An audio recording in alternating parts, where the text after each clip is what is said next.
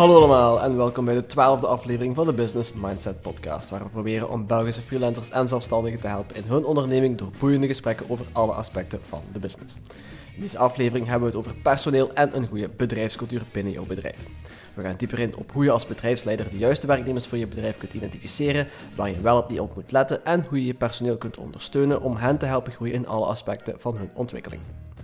Voeren dit gesprek met twee ervaren ondernemers, Joris Severy en Marieke de Kuiperen. Joris Severy begon tijdens zijn studententijd als zelfstandige in bijberoep, maar voelde al snel dat hij niet genoeg tijd had om al zijn werk op tijd af te krijgen. Zijn eerste stagiair werd dan ook zijn eerste werknemer en daarna bleef zijn bedrijf Jappa stelselmatig verder groeien. Ondertussen telt Jappa 26 werknemers met verschillende profielen en hebben ze een heel mooie bedrijfscultuur binnen hun bedrijf opgebouwd. Marieke de Kuiper studeerde af als leerkracht lager onderwijs, maar specialiseerde zich later verder in de psychologie en de metacognitie. Daarna ging ze aan de slag in de verzekeringssector en voerde daar een ondersteunende rol in het uitbouwen en begeleiden van het team. Na nog een paar korte omzwervingen is zij in januari 2020 gestart met haar eigen onderneming, waarmee ze bedrijven begeleidt in het ondersteunen en motiveren van hun werknemers. Voor meer informatie over zowel mijzelf als alle gasten kun je steeds terecht in de description van deze episode. Daar vind je opnieuw een korte bio, als ook links naar de social media accounts waar je hen kan bereiken. Dat was het laatste van mij. Hope you enjoy the episode. Zeg ja, hè? We houden hè? Klopt. Ja, uh, we gaan nog niet al onze geheimen prijsgeven. Dat is, uh, dat is voor tijdens dit gesprek. Um, Nee, oké. Um, zullen we dan beginnen? Ik heb, uh, ik heb alvast een aantal dingen uh, genoteerd, uh, maar daar komen we zelfs wel eventjes op terug. Ik ga eens beginnen um, met, even, met even gewoon te situeren. Ik, ik ken uiteraard Jury een klein beetje beter, omdat ik, ik heb samen met, met Jury gewerkt in, in, in zijn bedrijf in Jappa. Ik was een toevallige passant, laat ons het even zo noemen. ik was niet, niet vast in dienst, maar ik, we hebben even, even een korte samenwerking gehad, die, die op zich wel goed gelopen is. Um, en van daaruit weet ik ook hoe, hoe Jappa op zich een beetje werkt. Um, ik, ik, vind, ik heb altijd een, een heel leuk bedrijf gevonden, gevonden, puur omwille van hoe dat de, de, de sfeer uh, daar, daarin heerst. Uh, hoeveel bezit je nu, Jury? Hoeveel werk 26. 26. En hoe was de verdeling marketing en development op dit moment? Uh, dat gaat over acht marketeers en uh, de rest vooral rond, rond strategie en bouwen. Ja. ja. Want daar zit ook nog wat projectmanagement en zo natuurlijk ook nog tussen. Klopt. Ja. Um, wat mij vooral is bijgebleven aan die periode toen ik daar zat, was zo'n zo'n hele ik zal niet zeggen branding, want dat is niet het juiste woord, maar, maar een bedrijfscultuur heerst daar wel enorm veel. Uh, om maar een, een, paar vage termen te noemen die misschien uh, uit context heel raar gaan klinken, maar bijvoorbeeld Hola Pola, uh, de Japalaya en, en, en nog zo'n paar dingen die ik wel kan bedenken. Dat, was, allee, dat zijn alles, alleszins dingen die mij zijn bijgebleven, zonder dat ik exact nog weet wat het allemaal is. Uh, maar misschien kun je daar eens mee beginnen, Jury, met eens te schetsen van hoe jij, uh, want je bent alleen begonnen hè, uh, als, als mm-hmm. student-ondernemer eigenlijk, hoe jij zo'n bedrijfscultuur op pot hebt gezet en wat je de visie daar zo achter was toen je, toen je dat gedaan hebt. Ja, um, ja ik ben 19 jaar geleden ondertussen begonnen als student-ondernemer, toen dat nog niet student-ondernemer heette. Dat was gewoon een bijberoep. Uh, ging je iets doen uh, en moest je heel hard uitzoeken hoe dat juist zat, om dat toch een beetje uh, in orde te brengen. ik ben daar een beetje ingerold van, van in mijn vijfde middelbaar eigenlijk al.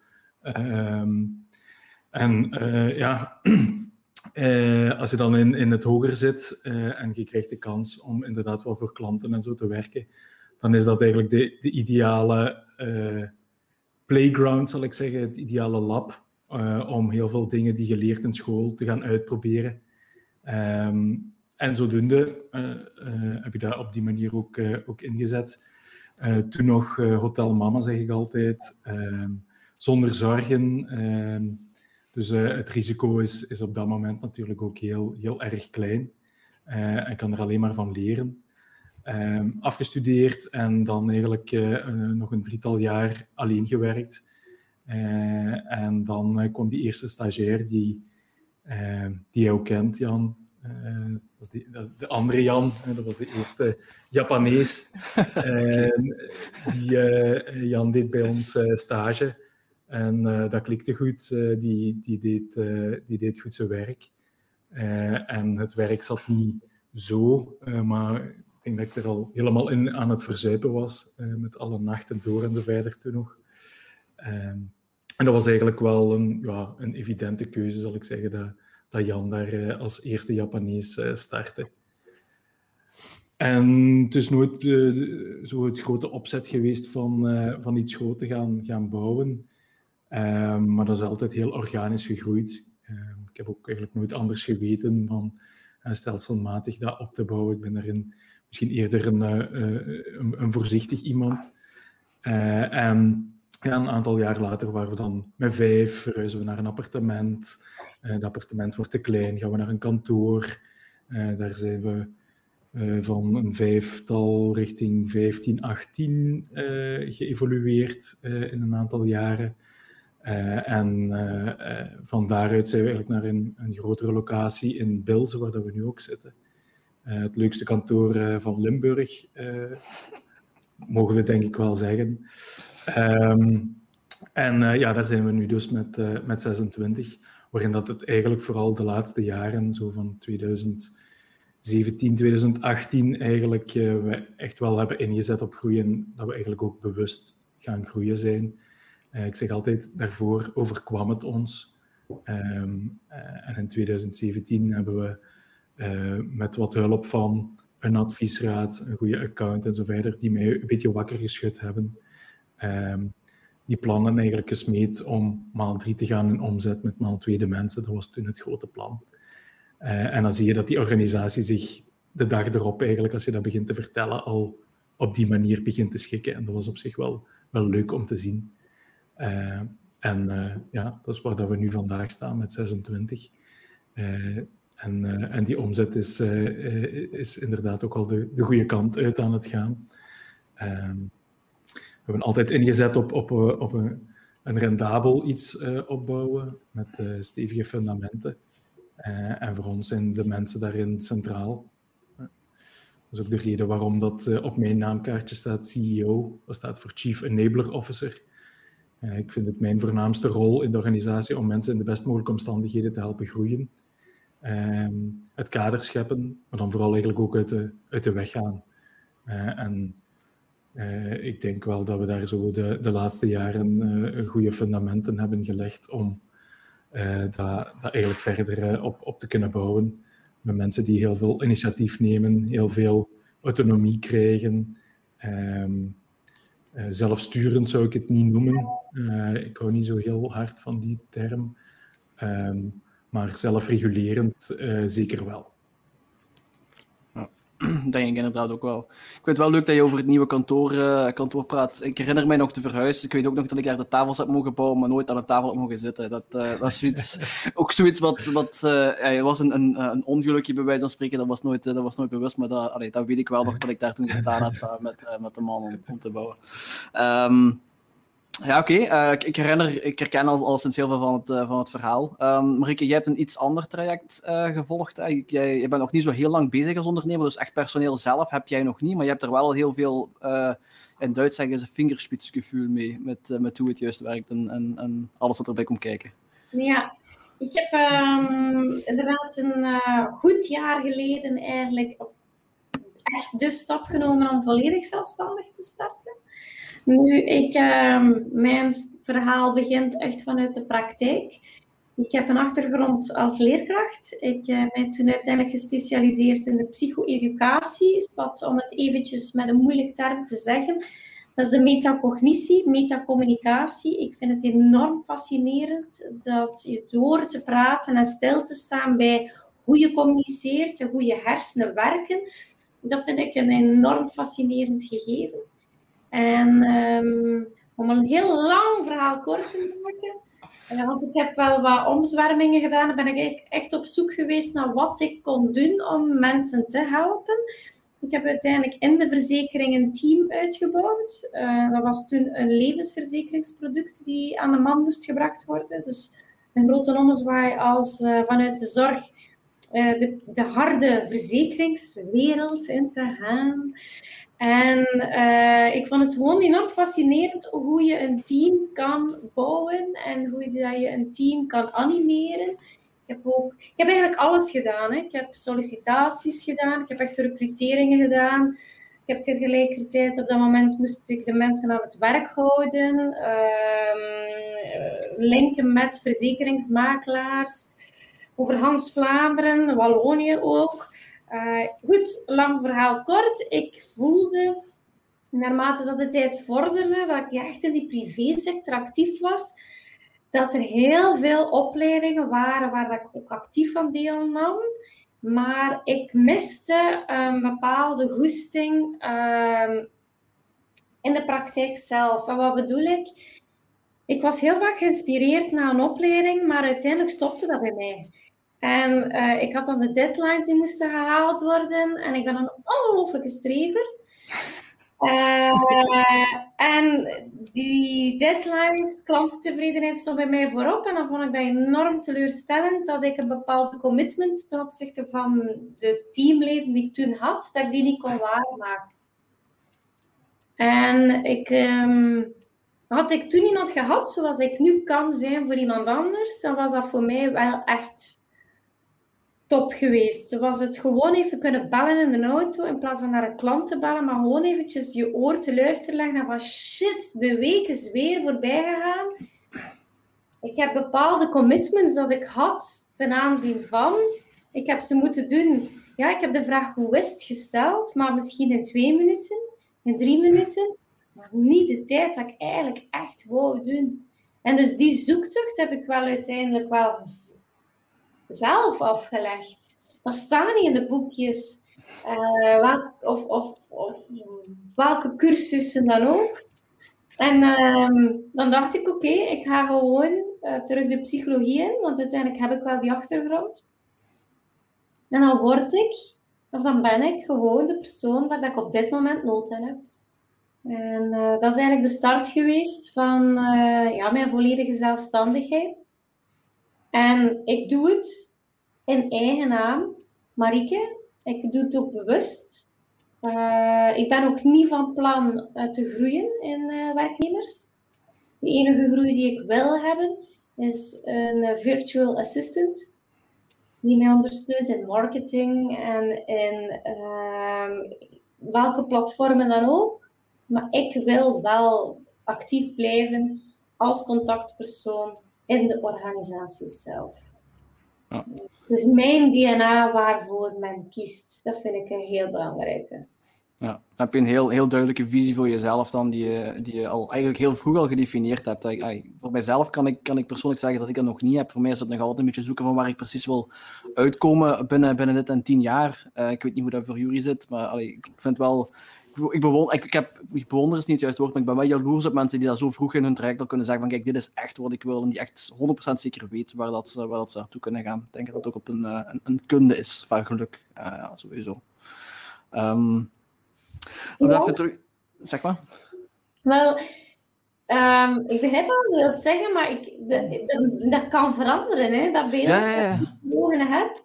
Maar um, ik vond het enorm belangrijk, en dat is omdat ik ik spreek vanuit een ervaringsverhaal. Dus ik heb mijn switch gemaakt omdat ik soms met mensen moest samenwerken waar dat ik eigenlijk totaal geen klik mee had. Maar dat was wel mijn coach op dat moment. Of uh, mijn trainee. Plotseling heb je bijvoorbeeld theorie. Ik weet nog, dat was een salescoach die theorie kwam geven. En dan mocht ik de baan op en moest ik de afspraken maken. Dan was er iemand die met mij mee de baan op ging, maar ik kende die niet. En dan vond ik dat, dat, dat kan niet. Ik bedoel, ik heb opleiding gehad van persoon A en ik was geboeid door wat hij vertelde. En dan moet persoon B van dezelfde organisatie weliswaar een hele dag mee de baan op. Ook al zijn die misschien vanuit dezelfde theorie actief, maar dat botste bij mij. En dus dat is, toen heb ik gezegd, no way. Ik ga niet met iemand gaan praten en zeggen van kom, we gaan samenwerken en dan iemand anders sturen. Dat dacht ik, nee, dat doe ik echt niet. Dus dit is mijn mening nu, maar voor hetzelfde geld ga ik partnerships aan. En is er iemand die net op dezelfde manier werkt als mij en jou als type klant beter kan benaderen dan ik dat doe, dat is voor mij perfect. Maar het is wel niet Marieke die bij wijze van spreken de deur open zet en dan uh, de achterdeur open laat u naar iemand anders te sturen. Dat wil ik echt. Nee. Nou ja, en, het is ook helemaal terecht wat je zegt. Het kan goed zijn dat een, een visie of een methodiek dat die volledig verandert, maar uiteindelijk weet je nu wel 100% zeker wat je wil. Hè? En, en, nieuwe ervaringen gaan uiteraard de dingen, dingen veranderen en, en, en zo verder. Dat is, dat is op zich wel heel logisch. Um, de, de eerste vraag die ik zo echt wilde stellen, de, de, vraag die jullie beiden misschien even kunnen, kunnen op, uh, op inpikken. Um, hoe, hoe zoek je naar de, de, de juiste werknemer? Uh, in de zin van, ah, je, je hebt werk nodig en uiteindelijk je zoekt iemand van een bepaald profiel. Hè? Dus dat, dat lijkt mij sowieso duidelijk. Voor Jury was dat, uh, was dat een developer die jij zocht. Uh, voor jou, ja, daar, daar weet ik niet, iets in de verzekering alleszins. Nee. Um, maar, maar wat zijn zo de, wat zijn zo de zaken waar je naar kijkt in, in een, een werknemer? Um, twee aspecten. Hè. Ik denk enerzijds de, de match die er moet zijn, en dan spreek je over, uh, over de match op, op, op het DNA, zal ik zeggen, op, de cultuur. Uh, en anderzijds de skills, met toch wel de nadruk op, op, ja, op, op, op dat DNA, op die instelling, op die mindset. dat is iets wat daar uw eigen is, zal ik zeggen, wat moeilijk te veranderen is. En dat is op zich ook maar goed. Hè. Dat hoort bij, een stukje bij iemand zijn persoonlijkheid. Um, en anderzijds, ja, de skills. Um, dat is wel iets wat je uh, kan, kan bijleren. En die mindset kan alleen maar um, ja, helpen om die skillset uh, sneller te laten, te laten evolueren. En dat is ook de manier waarop dat wij gaan, uh, gaan, gaan aanwerven. Mm. Het is zo eigenlijk in een eerste gesprek is dat dikwijls bij mij. en dan gaat het over ja, waar krijg je energie van, wat kost je energie en en waar ben je echt mee bezig? Uh, wat, wat, wat, houdt u, wat houdt u wakker? Uh, waar, uh, wat zijn uw passies? Ehm, daar ga ik een stukje naar op zoek. En in tweede instantie zijn het twee collega's die, die het gesprek doen. En dan gaat het eerder over, over, over skills, zal ik zeggen. Ja. nu zijn dat langzaamaan ook aan, het, aan het omkeren. Um, en um, dat is iets waar ik op zich wel, wel fier over ben. Eh, die, uh, die, die DNA-match, wat, dat, wat dat vroeger zo het uitgangspunt is van uh, Jury is daar de beste bewaker in, zie je dat nu, omdat dat zo doorleefd is in de organisatie, um, dat eigenlijk iedereen, elke Japanees, wel die DNA-match, zal, zal, ik zeggen, zou kunnen detecteren. Want dat zijn ook de gesprekken die, die zo rond zo'n sollicitatie gebeuren van, ja, dat is, dat is echt wel een, een, een, Japanees wordt er dan gezegd. Dus allee, je hebt het over iets. Het DNA. Eh, en, over het DNA. En dat is iets hè, waar je op zich niet kunt vastgrijpen. De enige manier om dat, uh, om dat tastbaar te maken is daarover te vertellen, om dat stukje vast te leggen. En waarin dat we waarden op zich zouden kunnen helpen, om dat een beetje uh, te, laten, te laten gidsen doorheen van ja, hoe, hoe, hoe wat verwachten we eigenlijk van u als, uh, als Japanees? En, en, transparantie is daar bijvoorbeeld een van de dingen van die, uh, die we gewoon heel erg belangrijk vinden. Dat je bedoelt, Jury? Excuseer? Spreek je nu over waarde, transparantie? Ja, ja, ja. Uh, open en eerlijk, omdat we ervan overtuigd zijn dat dat betrokkenheid toelaat. en we verwachten dat eigenlijk zowel van klanten als ook van, van onze medewerkers. dingen benoemen zoals ze zijn. Uh, en dat is uiteraard ook wel een heel proces om, om dat uh, in, uh, intern allee, in, die, in de juiste richting te laten, te laten evolueren. Um, maar ja, het, het, aannemen begint, het aanwerven begint voor ons eigenlijk met, met, met die match. Ja. En ja, die skills, daar zijn we op zich, daar hebben we uh, goede medewerkers uh, bij Shifu's, gelijk wij ze noemen, de Peters, uh, die uh, iemand uh, die binnenkomt, of dat nu iemand is die ervaren is, of iemand die van de schoolbank komt, als die maar goesting heeft om te groeien en daarvoor open staat, dan, dan ben ik er ondertussen wel zeker van, en met, de, met de evoluties die ik heb gezien bij mensen, dat we, dat we ze kunnen helpen groeien. Eigenlijk hanteer je um, slagzin, hire the will, train the skill, hè? Ja. Dus, uh, vanuit de overtuiging dat je hetgene wat je wil, uh, zal je wel uiteindelijk kunnen leren. Hè? Ik had vorige week nog een gesprek, het was, ging over een marketingfunctie.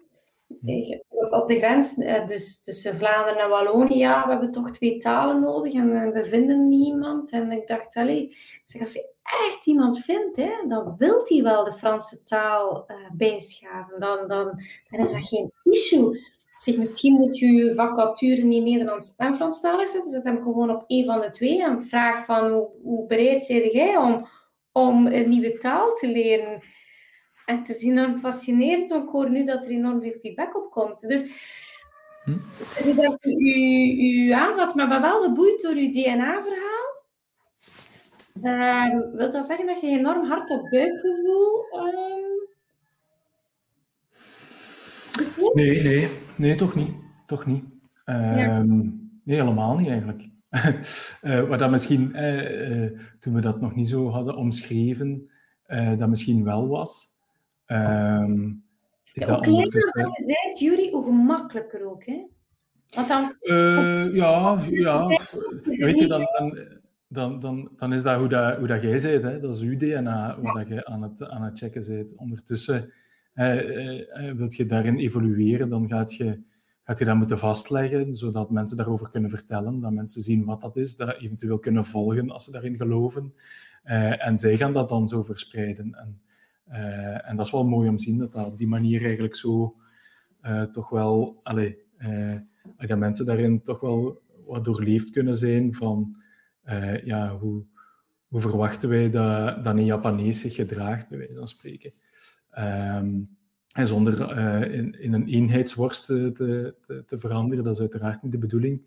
Maar zo de mindset, uh, uh, daar zien we toch wel dat, dat, dat daar een, een goede klik op is. Hmm. Um, weet je, Jury, ik weet niet van jou, dat je op dit moment je vacatures doet. Maar ik mhm. krijg de kriegels als ik de zondag, dus hè, de zondagkrant, mm. Staan er vacatures in. En af en toe zijn dat dezelfde die erin staan. Eventjes staan die er niet op en plotseling staan die dan er niet op. En ik krijg de kriebels als ik zie dat net dezelfde pagina, dus de vacature, er opnieuw op staat, maar eigenlijk voor een volledig ander persoon. Dus wat ah. wil ik eigenlijk zeggen? Als je je poelen bekijkt van tien mensen in één team, dus als er één iemand uitvalt, en dat die staan een vacature op. Oké, wie, moet, wie hebben we nodig? Welke klik moet er zijn? Wat moet je vooral kunnen? Die persoon pakt dat dan nummer 9 is, is ingevuld. Persoon 2 valt uit. En dan gaan we met dezelfde vacature openzetten. Dan denk je, dat kan niet. Mhm. Dat is een team van 10 mensen. Dat, dat kan gewoon niet. Er is iets wat dat die persoon nummer 2, laten we nu even over cijfers spreken, anders maakt.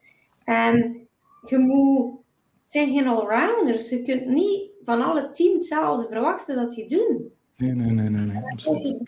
De kriebels van als ik die vacatures zie passeren, ik vraag dan echt, als ik met mijn partner spreek, dan zeg ik echt, maar wie wil je? Wie maakt je team tot next level? Wat heeft hij nodig? Wat heb je tekort in je organisatie? Wat kon nummer twee juist zo goed?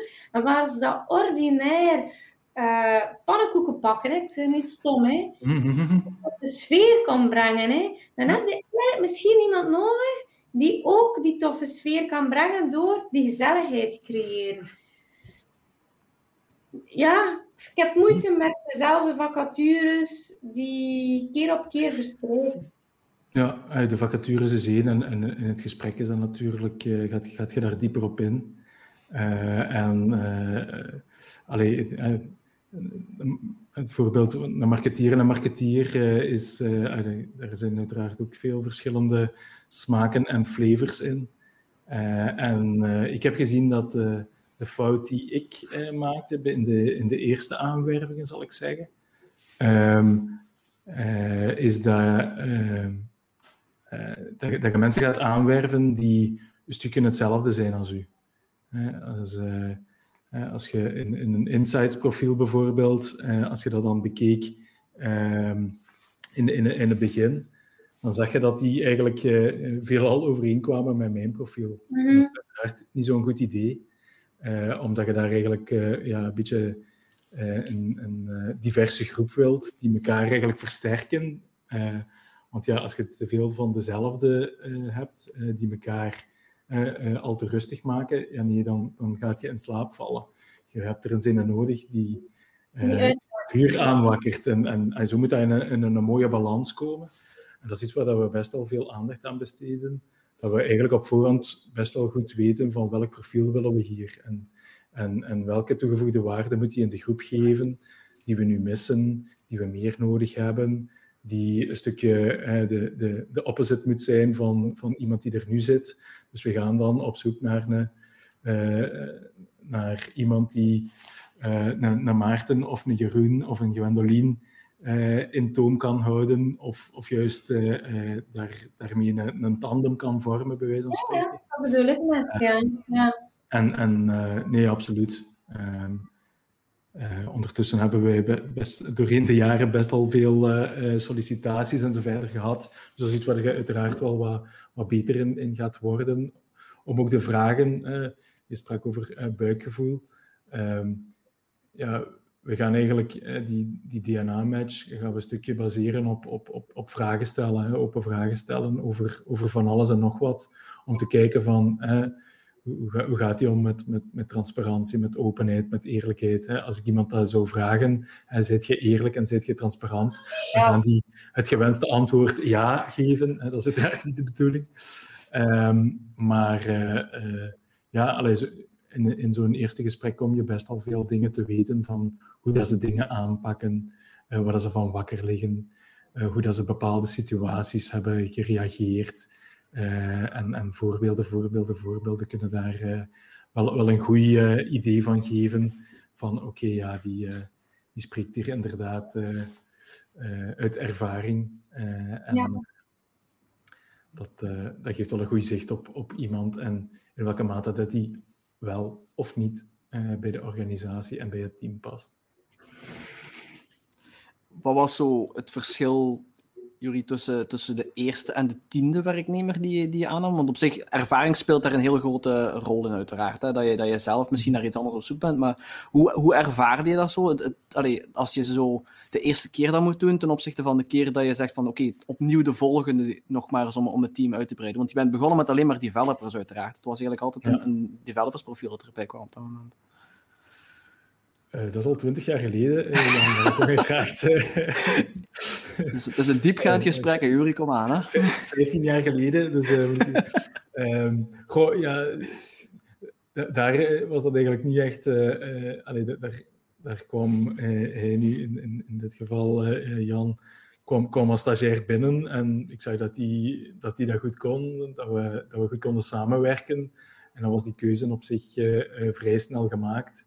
En daar, daar was de, de meest complexe, de, de, complexiteit zat hem daarin van verloning, hoe werkt dat en wat is bruto en wat is netto, bij wijze van spreken.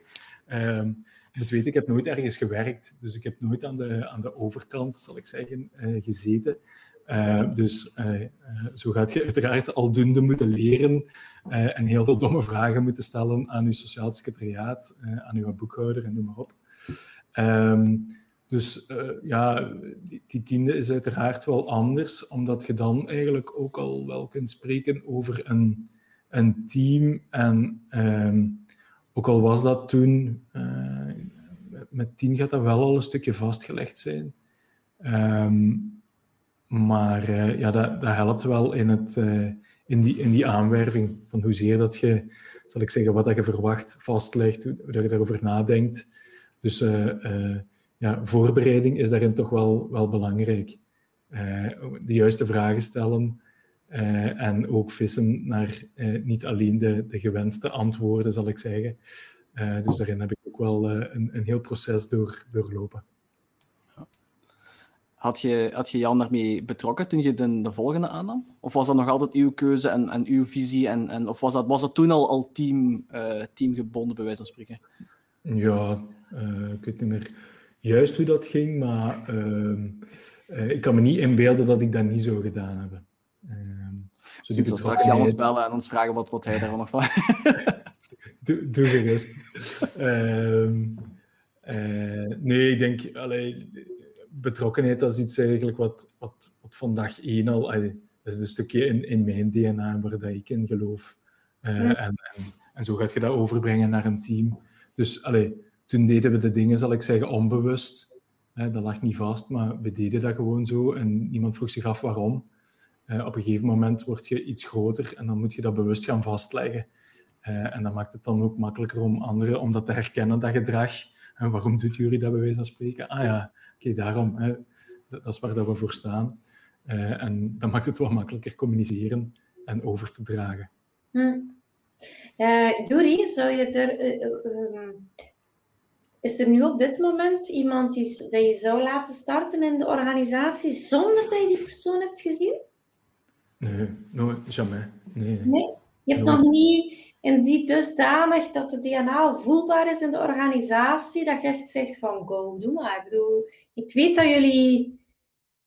Nee, iemand, iemand gewoon aanwerven zonder dat ik die gesproken heb. Ja, ja het is een vraag, hè? Ik zeg niet... Uh... Nee. nee. Nee, absoluut niet. Uh, gewoon op basis van een cv of zo? zo. Nee, nee, nee, nee, nee. Ik bedoel dat er met iemand, dat is iemand anders van uw team... Ja? Uh, de go heeft. Hè? Dus zij hebben... Ah, zo. Ah, jawel, jawel, jawel. Nee, nee, nee. nee. Daar, uh, daar uh, maak ik mij geen zorgen over dat dat, dat, dat ook op vlak van, van DNA, zal ik zeggen, de, de match is. Nee, nee. Ja. Dat, in, in dat geval is het antwoord... Zeg je? En doe je dit ook? Ah, wel, zo de laatste vacatures hebben we het inderdaad omgekeerd. Ja. En mocht ik ook nog eens met, met, die, met die aanwerving, zal ik zeggen, eventjes praten. maar laat ons zeggen dat de beslissing dan over 90% vast lag. en dan mocht ik ook nog eens even kennis maken, zal ik zeggen, om, om mijn finale go te geven. Maar ja, allee, eigenlijk zie, zie, je wel dat, dat, dat mensen daarin de, de juiste keuzes maken als je, als je dat kader maar goed zet. Ja, en als jij spreekt over je bedrijfscultuur die zo voelbaar is, ja, als jij echt mm-hmm. vertrouwen hebt in die bedrijfscultuur, dan, dan, dan zullen de collega's maar al te goed weten wie dat er in een team past en wie niet. Hè? Ja, nee, nee, dat is, uh, daar, uh, daar twijfel ik eigenlijk geen seconde aan. Mm. Het grappige is dat ik dat meegemaakt heb bij Jury. Uh, dat, dat, is, ja, dat is, maar nu, dat is wel tweede, tweedelig, omdat ik, ik heb eerst Jury verbeter me, ik voor ik ben drie maanden gewerkt bij, bij Jappa. Er was, de pipeline was vol en, en ik heb toen even meegedraaid. En uh, op een gegeven moment was er, was er geen werk meer. Um, en was eigenlijk van vandaag op morgen van, ah ja, oei, er is niks meer wat je kunt doen, dus uh, het stopt. dat, was, uh, dat is het voordeel en nadeel van, van het freelance uiteraard, dus dat, dat neem ik op zich heel zeker niemand kwalijk. Um, dat was op een vrijdag, dus vaarwel gezegd. Mijn account was al verwijderd en alles, dus alles was al, was al afgezegd. En plots de maandag daarna kreeg ik telefoon van, uh, van Koen, Koen Rogiers, toen ja. nog, die, die mij plots vertelde van zeg, de, de jury, andere jury, want die van totaal niet moeilijk te maken, er lopen drie juries rond daar. Ehm, de jury is met zijn fiets gevallen, heeft zijn hand gebroken en we zoeken dringend een nieuwe developer. Kunt jij? Ah ja, dat is goed. Dus ik, dat was dan de maandag, dinsdag kom ik daar af en kom ik Jury tegen, de Jury hier uh, bij ons. En die bekijkt mij en zegt, wat doet jij hier? en hij, hij, dat was, ik vind dat nog altijd op de dag van vandaag, vind ik dat een van de mooiste voorbeelden van, van bedrijfscultuur, was gewoon het feit van de CEO, eh, oké, Chief Enabler Officer dan, eh, als, je, als, je, als je het zo wilt zeggen, like Jury het zegt, was eigenlijk niet op de hoogte van hoe het team gemanaged werd. En ik vind dat zoiets krachtig, nu, hij kende mij wel en het team kende mij wel en de klik was er en zo. Dus, dus het is niet iemand volledig nieuw die erbij gehaald waren. Niet de hele de juiste situatie die jij juist aanhaalde. Maar gewoon het feit dat dat vertrouwen er kan zijn, dat je zo goed ja, dat het team zo goed op elkaar ingesteld is dat dat kan, vond ik, vond ik een heel mooi voorbeeld van, van goede bedrijfscultuur. En dat vind ik nog altijd heel, heel mooi aan, uh, aan Japan. Hm? Past dit in het uh, model zoals dat je zegt, Jury? de zelfsturende teams, waar je zegt van ik hou niet van het zelfregulerend, maar is dat een beetje in dezelfde zin? Ja, weet je, uh, zelfsturend gaat ervan uit dat mensen uh, de richting gaan moeten bepalen. En ik denk dat dat mijn rol is om, ook al laten we daar ook wel betrokkenheid toe in, in hoe, um, dat uh, ik zie mijn rol als uh, iemand die uh, ondertussen samen met Hub Leads, hè, met, met, een aantal leads eigenlijk in, in de organisatie, de vlag, de vlag plant. En in dat kader, hey jongens, jullie weten het beter dan mij, dus doe maar op. Hè. Dit zijn, dit zijn eigenlijk de, de dingen die je in rekenschap moet brengen. daar willen we naartoe. Hoe dat je dat doet, goh, ik wil me eigenlijk eh, zo, zo weinig mogelijk moeien. Ehm, dus ehm, met alle beslissingen die dagdagelijks genomen worden, probeer ik zo ver mogelijk van te blijven, eerlijk gezegd. en we zien eigenlijk dat dat, dat, dat wel goed loopt. We hebben er nu, nu een, een, een, een, structuur eigenlijk gebracht van, van leads die eigenlijk in een... We werken eigenlijk met verschillende hubs. Dus je hebt marketeers, je hebt projectmanagers, je hebt developers. Je hebt een enabling hub. Um, en eigenlijk die mensen worden een stukje gecoacht vanuit, die, vanuit die hub lead. en ja, allee, dat is nu eigenlijk sinds een, een aantal jaren en waar dat, er vroeger nog heel veel duizend en één beslissingen op, op mijn bord kwamen, dat ik de vraag terugstelde en er is nog nooit een, een antwoord op gekomen van wat, wat, zegt hij nu bij wijze van spreken. hoogstens wat challenges, zal ik zeggen. Ehm, ja, je moet er gewoon loslaten en vertrouwen dat dat wel goed komt. En ja, mensen gaan alles fouten maken, maar ook dat moet kunnen. Uh, maak ze vooral zo snel mogelijk, zeggen we altijd. En praat er ook over, durf dat toegeven. Dan moeten we collega die fouten al niet meer maken. Dat is eigenlijk eerder de mindset. En als mensen voelen dat dat kan, um, ja, dan zijn ze wel bereid om, om dat stapje te, te maken en ja, dingen te proberen um, om, om te doen. Hoe creëer je dat kader dat dat kan? Dat is een langzaam proces. Hm. dat gaat niet van vandaag op morgen. Daar zijn we eigenlijk al heel lang mee bezig over feedbackcultuur, over uh, ja, die veiligheid een stukje bouwen in een organisatie. Dat gaat niet van vandaag op morgen. Dat is een langzaam proces. Um, ja, uh, door uh, er heel veel over te, te communiceren, um, daar heel veel acties rond te ondernemen, dat uit te spreken van, hey kijk, je mocht je collega feedback geven, dat mag kritisch zijn, uh, maar we zien dat als, je gaat je collega hier eigenlijk uh, een cadeau geven om beter te worden. Ah, beste collega, ziet je dat ook zo? ja, inderdaad, inderdaad. Ah, wel kijk, je mag kritiek geven, waar we vroeger dikwijls al, al te braaf waren voor elkaar, en dat, en dat is dat is een continu proces. Hè. Dat is niet dat we, dat we al ergens zijn. Ik denk dat je daar nooit uh, Maar je ziet er wel een serieuze evolutie eigenlijk die we de laatste vijf, zes jaar hebben gemaakt. In zo, ja, een stukje die metacommunicatie, hoor ik u zeggen. Mm. Um, dat is iets wat, dat, uh, wat we zeker de laatste jaren toch wel serieus in gegroeid zijn. En dat doet wel iets zo met zo'n met zo'n team.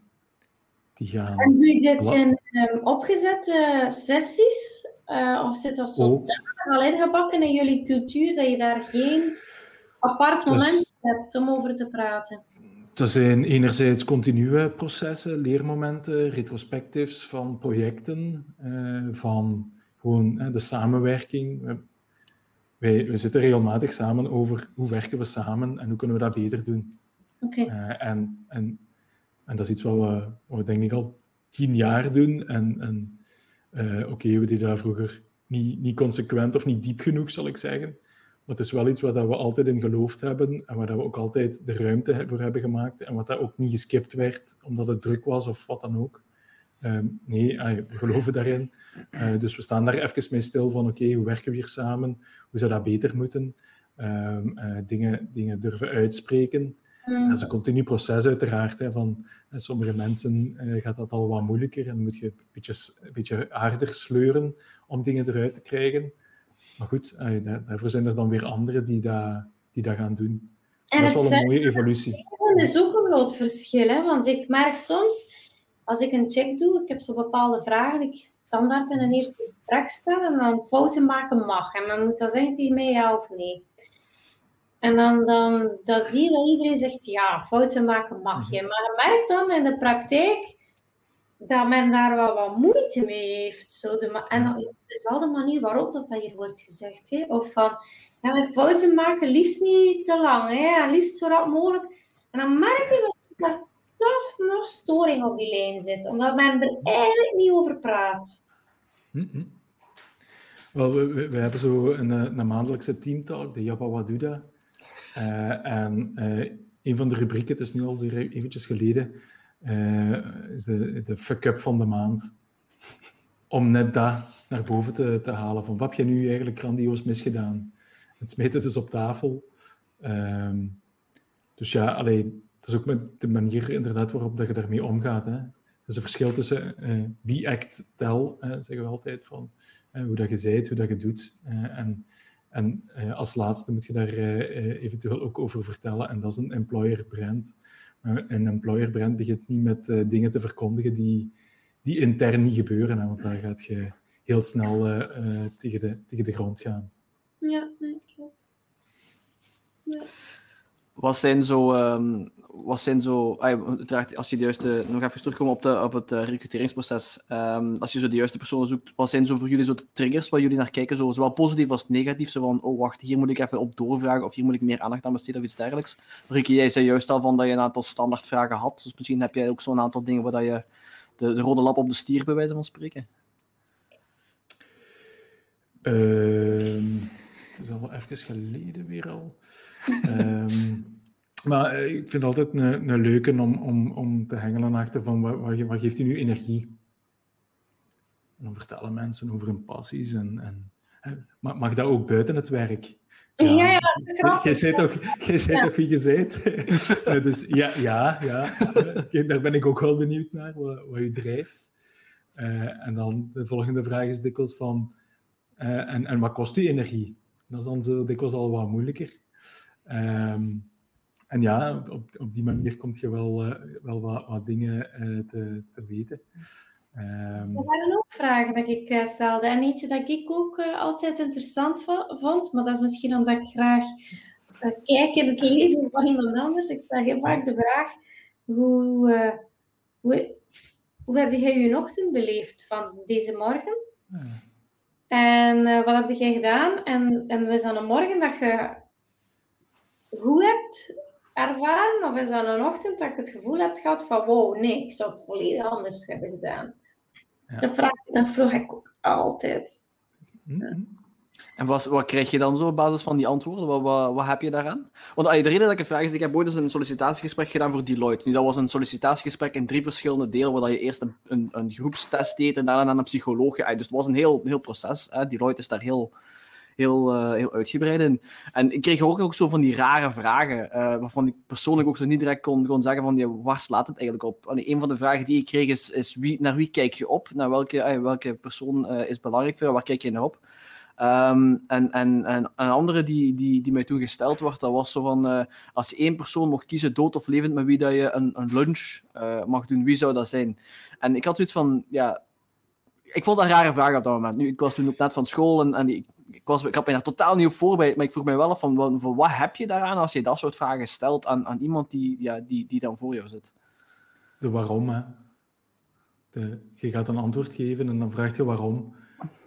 En dan komt er een verhaal wat iets over u vertelt. Ja. Uh, en, en, en zo kom je er eigenlijk op een onrechtstreekse manier achter uh, hoe, hoe, dat je in elkaar zit en, en, en waarom dat je gaat er een sporter op noemen omdat je gepassioneerd bent door tennis of, of weet ik veel wat. En ja, dat vertelt iets over jezelf. Op een manier, uh, ik zou kunnen vragen van wat, wat, wat drijft u? En dan gaat je zeggen uh, uh, tennis, maar als je er op die manier achter komt, dan, dan komt dat van net iets, iets, iets verder of iets dieper. Ja. Dat klopt, hè. er is geen goed of geen slecht antwoord. Nee, uiteraard niet. Maar het is is het verhaal. Hè. De reden waarom dat ik die ochtendvraag stel, dat is omdat ik, je komt zo te weten hoe dat een persoon georganiseerd is, niet georganiseerd is. Mhm. Je komt al te weten hoe dat privé zit. Hè. Kinderen, geen kinderen, uh, slechte slaper, misschien sport ik graag s morgens vroeg, of ik doe elke morgen yoga. Er komt ongelooflijk veel te weten om, door, door dergelijke, eigenlijk zo gezegd niet belangrijke vragen te stellen. Maar het is net, zoals dat jullie zegt, die DNA, die klik dat je moet hebben, past je in ons bedrijf of niet, die, die wat fijn is om te horen van, oké, er zit een, een, een, ja, je meer dan enkel een opsomming van. Hè? Ja. Is dat in die context misschien interessant om, om het recruitmentproces op zich, ik heb het nog niet zo heel vaak moeten doen, gelukkig, maar op zich is het altijd hetzelfde. Je komt in een lokale met één of twee personen voor je en je hebt een gesprek. Ehm, is het misschien ook dan in die context misschien is een idee om, om daar een beetje meer met, met dat systeem te gaan rammelen? Uh, wat ik bedoel is net in de zin van een, eenzelfde manier van denken als dat we nu bijvoorbeeld wandelende vergaderingen doen. Dat we bijvoorbeeld een rondje gaan wandelen in de straat of, of, of weet ik veel wat, waar we eigenlijk gewoon gaan praten met elkaar. Uh, al dan niet over het werk, is het misschien ook dan eens een idee om, om eens een beetje alternatieve sollicitaties te doen. Want het lijkt me dat op dat gebied ook nog heel veel verbeterd kan worden. Zeker als het gaat om die DNA-klik alleszins. En een technische test is uiteraard iets helemaal anders, want dan moet je een laptop voor je hebben, in ons geval toch. Dus uh, ik weet niet hoe jullie daar tegenover staan. Doe, uh, de, de laatste check-ins die ik in, in februari heb gedaan met de, met de Hubleads, hebben wij wandelcheck-ins gedaan en, en dat, werkt, dat werkt gewoon keihgoed. Um, dus uh, ik, uh, ik zou daar zeker voorstander van zijn. We hebben twee jaar geleden, was dat zeker, een, een, een campagne gedaan rond, rond Valentijn en, en onze kennismakingen daar rond gemaakt. En er waren dan, dan Maarten en, en Jeroen bij ons die die eigenlijk zo die eerste kennismakingen uh, gingen, uh, dates uh, waren dat dan, die we organiseerden. En tijdens dat gesprek hadden zij dan zo een roosje langs staan en een kaarsken. En, en dan, werd dat, dan werd dat zo ingekleed en ze hadden dan zo een, een starter, een hoofdschotel en, en een gerecht. Ja, dat vertelt gewoon ook al iets over de organisatie waarin dat je gaat terechtkomen. En ik, ik zeg altijd als ik voor, voor studenten en zo ga spreken van ja, ziet dat jij ook wel heel goed weet voor wie dat je gaat, gaat werken. Uh, en waar dat, dat bedrijf voor staat. Dat je ergens terechtkomt en waarin dat je je collega's in normale omstandigheden toch uh, ja, even vaak of, of evenveel gaat zien in aantal uren dan je partner waar je mee samenwoont. En die partner, die gaat, daar gaat je ook niet op 1, 2, 3 mee samenwonen en huisje, tuintje, boompje en weet ik veel wat allemaal. Um, die gaat je ook eerst leren kennen. Uh, dus allez, besteed net iets meer aandacht aan ook zo je toekomstige werkgever ook een stukje te leren kennen. En stel die gerust wat vragen over ja, hoe, hoe ze de zaken aanpakken. Ja, klopt. Ja. Ik weet niet of jij al een paar uh, uh, gekke dingen hebt gedaan bij een recruteringsgesprek, Marieke. Ik weet niet hoe dat, hoe dat bij jou gaat. Wel, niet gek niet, maar het wandelen heb ik zeker al gedaan. En ik spreek zelf niet recent, ik spreek echt over meer dan tien jaar geleden. Dus uh, dit werkt. Ik, ik, ik ben ook een verwende uh, wandelaar voor gesprekken mee te voeren, omdat ik merk ook, het is ook anatomisch of fysisch beter gezegd bewezen, als je wandelt, dat de stoffen, de endorfines die vrijkomen in je hersenen stimuleren om creatief na te denken. Dus eigenlijk iemand die een creatieve job heeft, doet best van al iets al wandelend, lopen en dat stimuleert het creatief proces. Dus op dat vlak is dat super om op dat moment gebruik te maken voor een sollicitatiegesprek. Ja, ik, ik, ik ken wel zotte, sollicitatieprocedures, halen van spelletjes spelen. Oké, ik ben geen fan daarvan, maar als dat past binnen je cultuur, ja, zo so Ik bedoel, als je hm. Ik ken iemand die um, aan zijn werknemers vraagt om verkleed naar, naar um, sollicitatiegesprek te komen. Vraag nooit aan mij om mij te verkleden, want ik hou niet van verkleedpartijen. Maar goed, als dat past binnen de cultuur van het bedrijf, ja, oké, dan, dan is dat misschien een gekke vraag voor een sollicitant om verkleed in hun superheld te komen tijdens het sollicitatiegesprek. Ik, ik respecteer elk zijn ja, zijn, zijn, zijn manier van, om het te doen. Um, maar het, het, is wel een feit dat je, uh, naar mijn inziens, dat je sollicitatiegesprek moet passen bij wie dat jullie zijn. Zoals dat jullie spreekt over die, die dates. Als jullie lichtjes zo'n gimmick hebben om wat speels, maar toch wel uh, hands-on te werken, dan past dat volledig in de lijn maakt jij een bedrijfscultuur die echt gek is en absurd is, ja oké, laat die mensen dan verkleed komen naar het sollicitatiegesprek, als dat daar zogezegd een, een vriendenclubje is. Doe maar. Waarom niet? Um, en zijt je eerder van het, klassieke, zakelijke? Dat is oké om een klassiek gesprek te hebben. Hè? Mm Het moet vooral passen uh, in de manier waarop dat je bent. Ik ken iemand die aan mij gevraagd heeft, maar dat was wel geen sollicitatiegesprek, maar die deed dat met zijn sollicitaties. Ik loop ook. Dan gaan we samen een toertje gaan lopen. En ik zeg, wow, lopen, ik ken je niet, uw ritme ken ik niet. Nee, nee, is niet erg, maar vijf kilometer. Ja, oké, ik heb dat wel gedaan, hè. Um, maar dan, ja, waarom niet? Als dat past binnen de cultuur. ja. Zotte zelf heb ik sollicitaties heb ik nog niet afgelegd. Maar ja, wat zot als wandelen zot is, ja, dan is dat, dan is dat zot. Ik, ik, denk, ik denk zot, uh, wat, wat normaal is, uh, kunnen, we, kunnen we zelf definiëren, denk ik. Maar ik denk dat we, dat we er gewoon voor moeten openstaan. En op zich, allee, ik heb daar alleszins de, de goede ervaring mee. Van zo gauw dat iets afwijkt van de norm, is het over het algemeen, wat mij betreft, een positieve ervaring.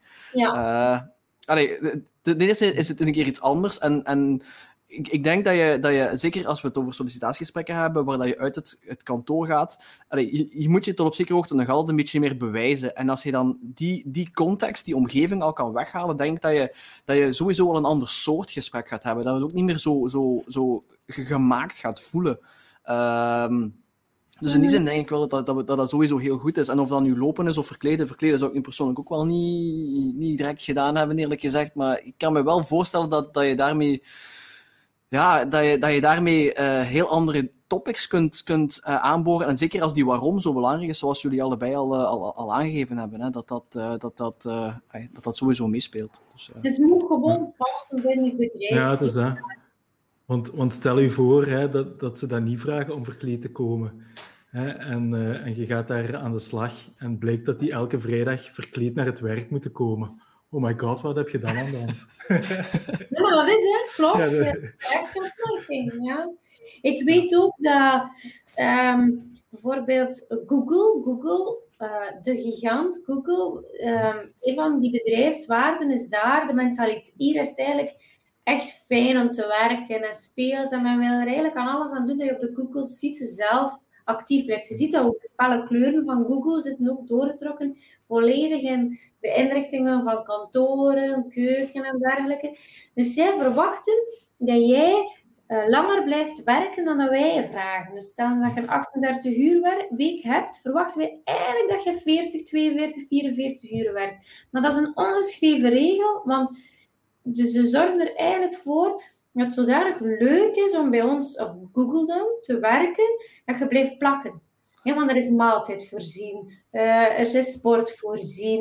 Het, is, het wordt de, dus de ruimte waar men onderling connecteert, is eigenlijk een soort lounge. Um, je kunt uw vrienden uitnodigen bij hen. Dus uh, het is een soort cultuur dat Google wil uh, aantonen bij elke sollicitant, en dat, zoals dat je zegt van die verkleedpartij, je weet, als je helemaal start bij Google, dan is je echte privéleven, als je graag nog apart gaat gaan sporten, of met je partner of met je vrienden iets doet, dan gaat dat miniem zijn, want Google pakt zodanig veel van je tijd, je energie, dat dat echt een volledig nieuwe community is waar dat je in staat. En dat is een bewuste keuze, ja.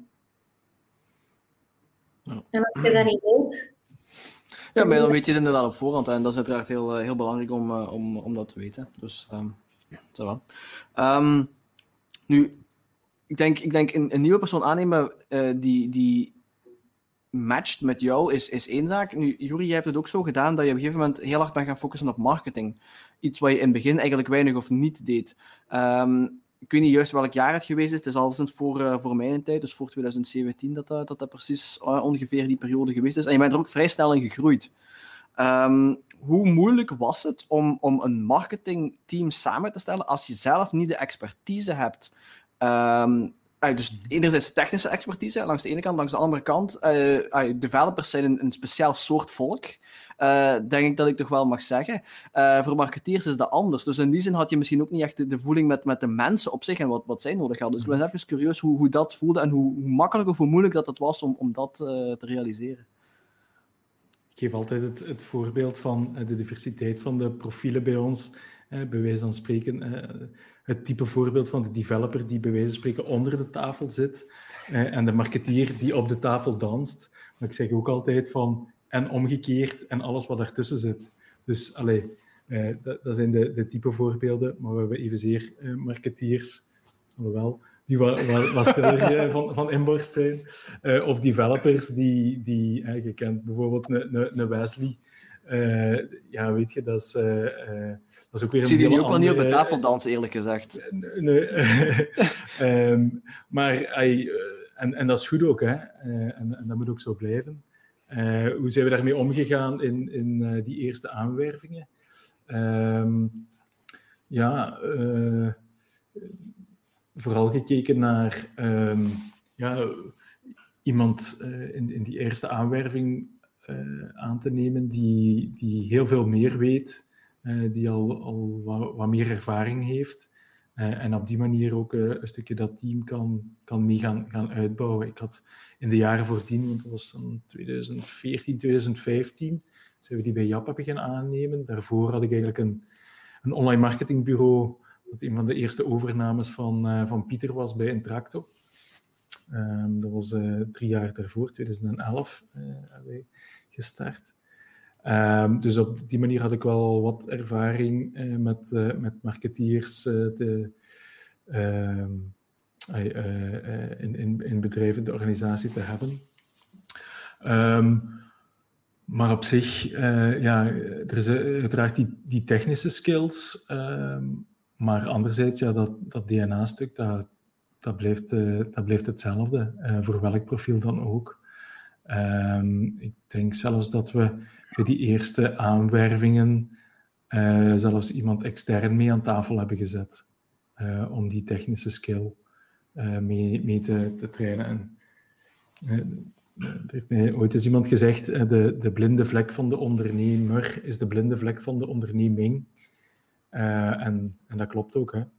Um, zolang dat je dat als ondernemer niet inziet of je daar niet bewust van bent, dan zal die onderneming ook die blinde vlek altijd met zich meedragen. Uh, en dat is niet de bedoeling. Dus dan moet je trachten open te, te breken. En ondertussen helpen de Japanezen mij daarmee bijvoorbeeld, maar ook een adviesraad, uh, een goede accountant. Ik probeer wel wat mensen rondom mij te verzamelen die, die niet zeggen, goed bezig, maar die ook zo af en toe zullen zeggen van, wat de fuck zit je hier allemaal aan het doen? Um, ik denk wel dat dat, dat, nodig is. En, dat is dan daar een voorbeeld in van, ja, als we de expertise zelf niet in huis hebben, dan moeten we, dan moeten we ook uh, kijken uh, om, om extern uh, iemand te laten meekijken, bijvoorbeeld. Kun je me of je ook daar, daar ervaring mee hebt gehad dat je iemand moest zoeken met een bepaalde skill die, die jij nog niet had, of die, die, ja, die, maar je niet echt kon, kon te raden gaan bij iemand die al in het bedrijf zat? Goh, zoals dat je weet, met dat ik op dit moment nu niemand zelf in, in mijn organisatie, mijn team heb. Niet, allez, niet nee, maar je hebt ook zelf mensen in dienst genomen hè, bij, bij de verzekeraar, zoals je zelf ook zei. Dus ik dacht misschien in die context dat je daar misschien iets vergelijkbaar was, was tegengekomen of zo. Goh, um, Nee, ik kan er eigenlijk niet echt, uh, niet echt op ingaan, Jan. Omdat Nee, oké, zo Geen enkel probleem. um, Misschien een andere vraag dan. Um, hoe, hoe gaan jullie op met, met snelle groeien? Dat wil zeggen, als je, als je telkens één persoon kan bijnemen en, en, en stelselmatig het team kan laten groeien, dan, dan kun je een beetje waken over die, die cultuur. Hè? Dat, die, dat die behouden blijft, dat die persoon goed in het team past en, en dergelijke. Maar hoe ga je om met, met het scenario waar dat je op korte tijd drie of vier mensen moet aannemen en dat je eigenlijk ja, eigenlijk de, de, ja, want uiteindelijk de, de Mythical Man Month. Jury gaat dat misschien, misschien wel kennen, uh, Marieke weet ik niet of, of je daarmee mee bekend bent met dat concept. Um, dan komt er eigenlijk op neer als iemand bij aanneemt dat, dat de werking van jouw bedrijf ook gehinderd wordt. Um, omdat, omdat je moet die persoon opleiden, je moet die persoon trainen, nieuwe skills uh, behulp en dit soort dingen. Dus hoe, hoe gaan jullie daarmee om dat jullie op die momenten, of was jullie ervaring daarmee, dat je dan toch op die manier toch de bedrijfscultuur kunt blijven hanteren en kunt blijven vrijwaren.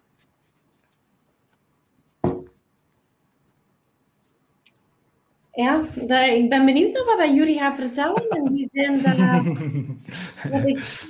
Oké, okay, nu moet ik met iets goed komen. ik denk dat je ook wel op een korte tijd veel dezelfde hebt, mensen nodig hebt gehad. Ik weet wel, allez, het is moeilijk. Uh, ik zie mhm. de bedrijven waar ik uh, het, Het meest wordt in gevraagd zijn bedrijven die in een korte tijd niet in omzet zijn gegroeid, maar echt een aantal FTE's, aantal werknemers. En die voelen van, wow, we zijn een beetje noorden kwijt. Zo de reactie van, vroeger was beter. Maar vroeger is daarom niet altijd beter, maar soms is dat gevoel van, allee, maar vroeger wisten we alles en nu niet meer. En daar merk ik dat de grootste uitdaging zit. Dus ik weet niet wat dat Juri gaat zeggen. Ja, je communicatielijnen veranderen. Hè? Van, van één naar twee is een grote verandering. Dat moet je vertrouwen hebben dat die, dat die persoon dat, dat zo goed doet als, als, als jij dat zou willen. Uh, van, van 2 naar 5, van 5 naar 10, van 10 naar 15 en dan zo 25 uh, is, is dan zo de grens waarin dat je eigenlijk, ja, je kunt niet meer met iedereen elke dag spreken, bij wijze van spreken. Dat, dat lukt niet meer. Dus je moet daarin een structuur, en liefst zo weinig mogelijk structuur, uh, maar wel ergens rituelen inbouwen, waardoor dat je die communicatielijnen wel, wel meekrijgt. Uh, en ja, in, in die aanwerving is het inderdaad zo, ja, die, die onboarding is super belangrijk. Um, en dat zijn ook weer ja, processen die je. Uh, allerlei processen noem, noemen wij het niet zo graag. Wij spreken liever over rituelen, dat klinkt leuker. Uh, en niet zo corporate. Um, maar dat zijn dingen die, die je eigenlijk gaandeweg ook beter gaat documenteren, waardoor dat je kunt werken aan dat ritueel zelf. Ja, mm -hmm. uh, vroeger was de dag ervoor dat ik besefte, oh fuck, morgen gaat hier iemand, iemand starten, ik moet dus een computer nog bestellen, bij wijze van spreken. En die begon dan, en ja, het is nog twee dagen wachten op, op uw computer, excuses daarvoor, Ah, wijze van spreken. Hè, hoe erg kan het zijn, hoe welkom kunt je u niet voelen. Uh, nu is dat heel anders. Uh, nu krijgen mensen uh, in de weken daarvoor al e-mails van ons om een welkom te heten, om te zeggen hoe dat ze broodjes moeten bestellen. Um, er is een heel programma in de eerste weken van je gaat met die mensen spreken en, en die gaat u daar vertellen en die gaat u daar vertellen. En dit zijn de programma's waarmee dat we werken en dat, dat, dat, hele proces is gedocumenteerd. Um, en dat maakt op zich wel dat het ook wel schaalbaarder wordt um, om meerdere mensen tegelijk. Maar uh, we hebben even een periode gehad, denk ik, waar we zo een aantal uh, mensen synchroon eigenlijk lieten beginnen. En, en voor de grootorde van, van onze organisatie is dat wel een pittige. Um, om, uh, ik denk dat er toen zo twee marketeers bijvoorbeeld is, te samen zijn begonnen. En ja, dat, dat, is, dat is pittig. Uh, ik weet niet of we dat nog dadelijk zo zouden doen. Mm -hmm. um, voor onze grootte van organisaties, hè, binnen, binnen Deloitte, daar, daar, daar, beginnen ze met bussen, nieuwe mensen, en die hebben daar, die hebben daar mensen voor, uh, of verschillende ja. mensen, of een heel team voor, die die, die eerste weken uh, begeleiden en zorgen dat dat goed komt. Voor ons is het belangrijk dat we voldoende aandacht geven aan die nieuwe mensen, dat die goed uh, en ja, liefst zo snel mogelijk ook goed aan boord zijn en dat die onze manier van werken goed doorhebben. Zodat die eigenlijk zo snel mogelijk ook een stukje die, die autonomie kunnen. Ik denk dat het belangrijk is om de nieuwe mensen uit te leggen wat er van hen wordt verwacht of wat dat hun parcours, eruit, of hoe beter gezegd hun parcours eruit ziet. Maar wat merk ik is ook naar de collega's op. Oké, okay, er is niemand die nieuw start. Wat wordt er van die persoon verwacht? Ik merk zo, zeker als je in een, in een, in een echte groeifase zit. Het wordt mensen gevoeld aan, er moeten mensen aangeworven worden. Maar dat niet altijd voor iedereen even duidelijk is. Ja, maar is dat wel een fulltime job? Ja, dat is geen fulltime job. En dan, ja, die doet dit er nog een beetje bij. En dan, dan, dan merk je, ja, ja. twee rollen. Ik ga nu zeggen, hè, een, een projectbegeleider bijvoorbeeld en een, een marketingpersoon in één. Oeh, dat is ingewikkeld. En dat gebeurt in heel veel organisaties. Ik weet niet of dat jij dubbele functies uitdeelt binnen de... Uh, ja, maar absoluut. dat is lastig, hè? Meerdere rollen, ja. Dat, is, dat moet goed omkaderd worden. Hè? Wat verwacht je? De, bijvoorbeeld in mijn voorbeeld projectbegeleiding en marketing zegt je... Ah, maar elke maandag is het marketingpetje en dinsdag, woensdag, donderdag en vrijdag is het dan projectbegeleiding. Of het moet wel gekend zijn, want twee Ja. rollen opnemen in een organisatie is niet evident. Klopt, ja. communicatie is daarin key uh, om, om aan de rest van de, de mensen goed, goed, goed dat onderscheid uh, te maken. en inderdaad, we, zijn op een gegeven moment begonnen met een rol in operations, um, waar mensen ook zoiets van hadden van, ja, wat, doet die eigenlijk? Want je ziet daar uiteraard niet de output van die, die jij dagdagelijks aan het bouwen zit. Je ziet daar geen website ontstaan. Er is heel veel achter de schermen. Um, dus ik denk dat dat toen is dat, dat, we begonnen zijn op de Jappa Waduda om, om zo iemand ook eens te laten uitleggen wat hij eigenlijk aan het doen was. dat is nu eigenlijk een vast onderdeel dat eigenlijk elk team een stukje gaat vertellen over de verwezenlijkingen van, het, van, het afgelopen, van de afgelopen maand. Om dat ook mee te nemen, want het is heel herkenbaar wat je zegt. Uh, ja, uh, of of als ik nu dit probleem heb, is dat, is dat dan bij, bij Jan of is dat dan bij, bij Jean dat ik moet zijn? Um, zo van die dingen. Ja, dan kom je uh, inderdaad. Uh, dus de groter dat je wordt, op het begin is dat heel duidelijk. Hè, want ik wist van Jan wat, wat hij deed, hij wist van mij wat ik deed. We, we zaten constant op elkaars lip.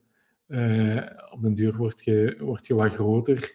Gaat je ook die rollen moeten omschrijven, wat dat inhoudt en wat dat niet inhoudt, wat dat je daarvan verwacht, hoe dat je die groei verwacht en zo verder. En daar ben ik wel blij van dat dat nu ondertussen hubleads zijn die, die daar eigenlijk, hè, die, die rollen en die persoonlijke groei ter harte nemen, uh, om, om mensen daarin een groeipad, zal ik zeggen, te, te, te begeleiden. En dat is ook een stukje van, ja, wat verwachten wij van u in uw rol? Um, en verwacht, wat verwachten wij van een collega die op zich dezelfde jobtitel heeft, bij wijze van spreken? Uh, wat verwachten wij daar anders van? Hmm. Heb je geen schrik? Want ik hoor dat bij het bedrijf. Als, we, als ik spreek over rollen, hè, dus mm -hmm. functieomschrijving. Zeg nee, ik hou niet van het woordje functieomschrijving. Het is een rol die je hebt in een organisatie om, mm. zoals jij net zegt, ik heb een vlag geplant om ervoor te zorgen dat waar dat de vlag moet geplant worden, dat die er terecht komt. Of ik weet mijn rollen zijn en ik, de rollen moeten bepaald zijn, hoe dat we naar Rome leven. En wie dat er wat doet. En ik merk dat er dan heel vaak zo uh, wordt geopperd van, ja, maar als wij nu gaan omschrijven wat er moet gedaan worden, dan uh, heb ik schrik dat mensen zal zeggen, ja, maar dat hoort niet bij mij. Ik had deze namiddag een heel gewoon telefoontje uh, het was iemand van de marketing en die zei van, alleen maar ik kan niet begrijpen, ik zag dat die vuilniszakken vol waren en ik zag die twee dames ernaast staan en ik dacht alleen maar, meisjes, neem die vuilniszakken alsjeblieft niet leegmaken. En, hm. en ze zei ook, hè, dat staat niet in een rolverdeling, maar dan denk ik, alleen, dat maakt toch niet uit, eh, vol is vol. Hm. En, en en dus dan merk ik in de praktijk dat heel veel mensen, als ik het woordje rolverdeling opteer of functieomschrijving in hun talen, en dan heb ik al overtuigd voor rolverdeling, hè. oh nee, dan, dan hm? gaat dat zwart op wit. En dan, als het er niet op staat, kan men dan niet zeggen van, ja, maar dat hoort niet bij mijn taak. Hoe heb jij dat beleefd, Jury? Uh, sniffers zijn dat, hè. staat niet in mijn functieomschrijving. Uh, uh, nee, eh, een beetje dubbel. Ehm, enerzijds, eh, vroeger zeiden wij, ehm, we willen dat iedereen betrokken is en we geloven in betrokkenheid. En op zich klonk dat wel mooi, ehm, totdat je beseft dat iedereen van alles wakker ligt. En dat is ook niet altijd goed. Um, er zijn gewoon dingen waar, dat, waar dat iemand niet per se van moet wakker liggen. Nee. Uh, waar dat iemand van mag wakker liggen, hè? of waarvan iemand echt niet, niet van mag wakker liggen. Uh, en, en dat helpt wel in, in, in die rolverdeling. En dan is denk ik ook een stukje de mindset van de organisatie um, en de mensen die je hebt, uh, dat die inderdaad, als die een, een, een, zak zien liggen, of ze die dan gaan laten liggen of niet, maar die rolverdeling is toch, uh, is toch wel, wel, wel noodzakelijk als je een bepaalde grootorde hebt van, van organisatie. Um, maar zo, als een risico dat mensen dingen niet zouden doen, omdat het niet in een functieomschrijving of een, of een, uh, een rolomschrijving staat, niet, niet echt. Eerder van, ah ja, dit mag, dit mag ik loslaten. Zo. Uh, omdat ik, uh, zaten toen in een situatie dat, dat we echt ja, ook, ook een stukje mensen hadden die, die hadden het al druk in een, in een, in een rol als developer of als marketeer of als projectmanager. En er kwamen dan zo dingen bij die daarin beland waren op een of andere, op een of andere manier. En die ze hun heel hard gingen aantrekken en waar ze s'nachts van wakker lagen. En dat, mag niet, dat, mag, dat is niet goed. Hè? Uh, dus als uh, de betrokkenheid uh, zo, zoals je hem eigenlijk niet wilt. Ehm, dus daar hebben we toen toch wel wat, wat bijgesteld. in onze overtuiging van iedereen moet bij alles betrokken zijn, zal ik zeggen.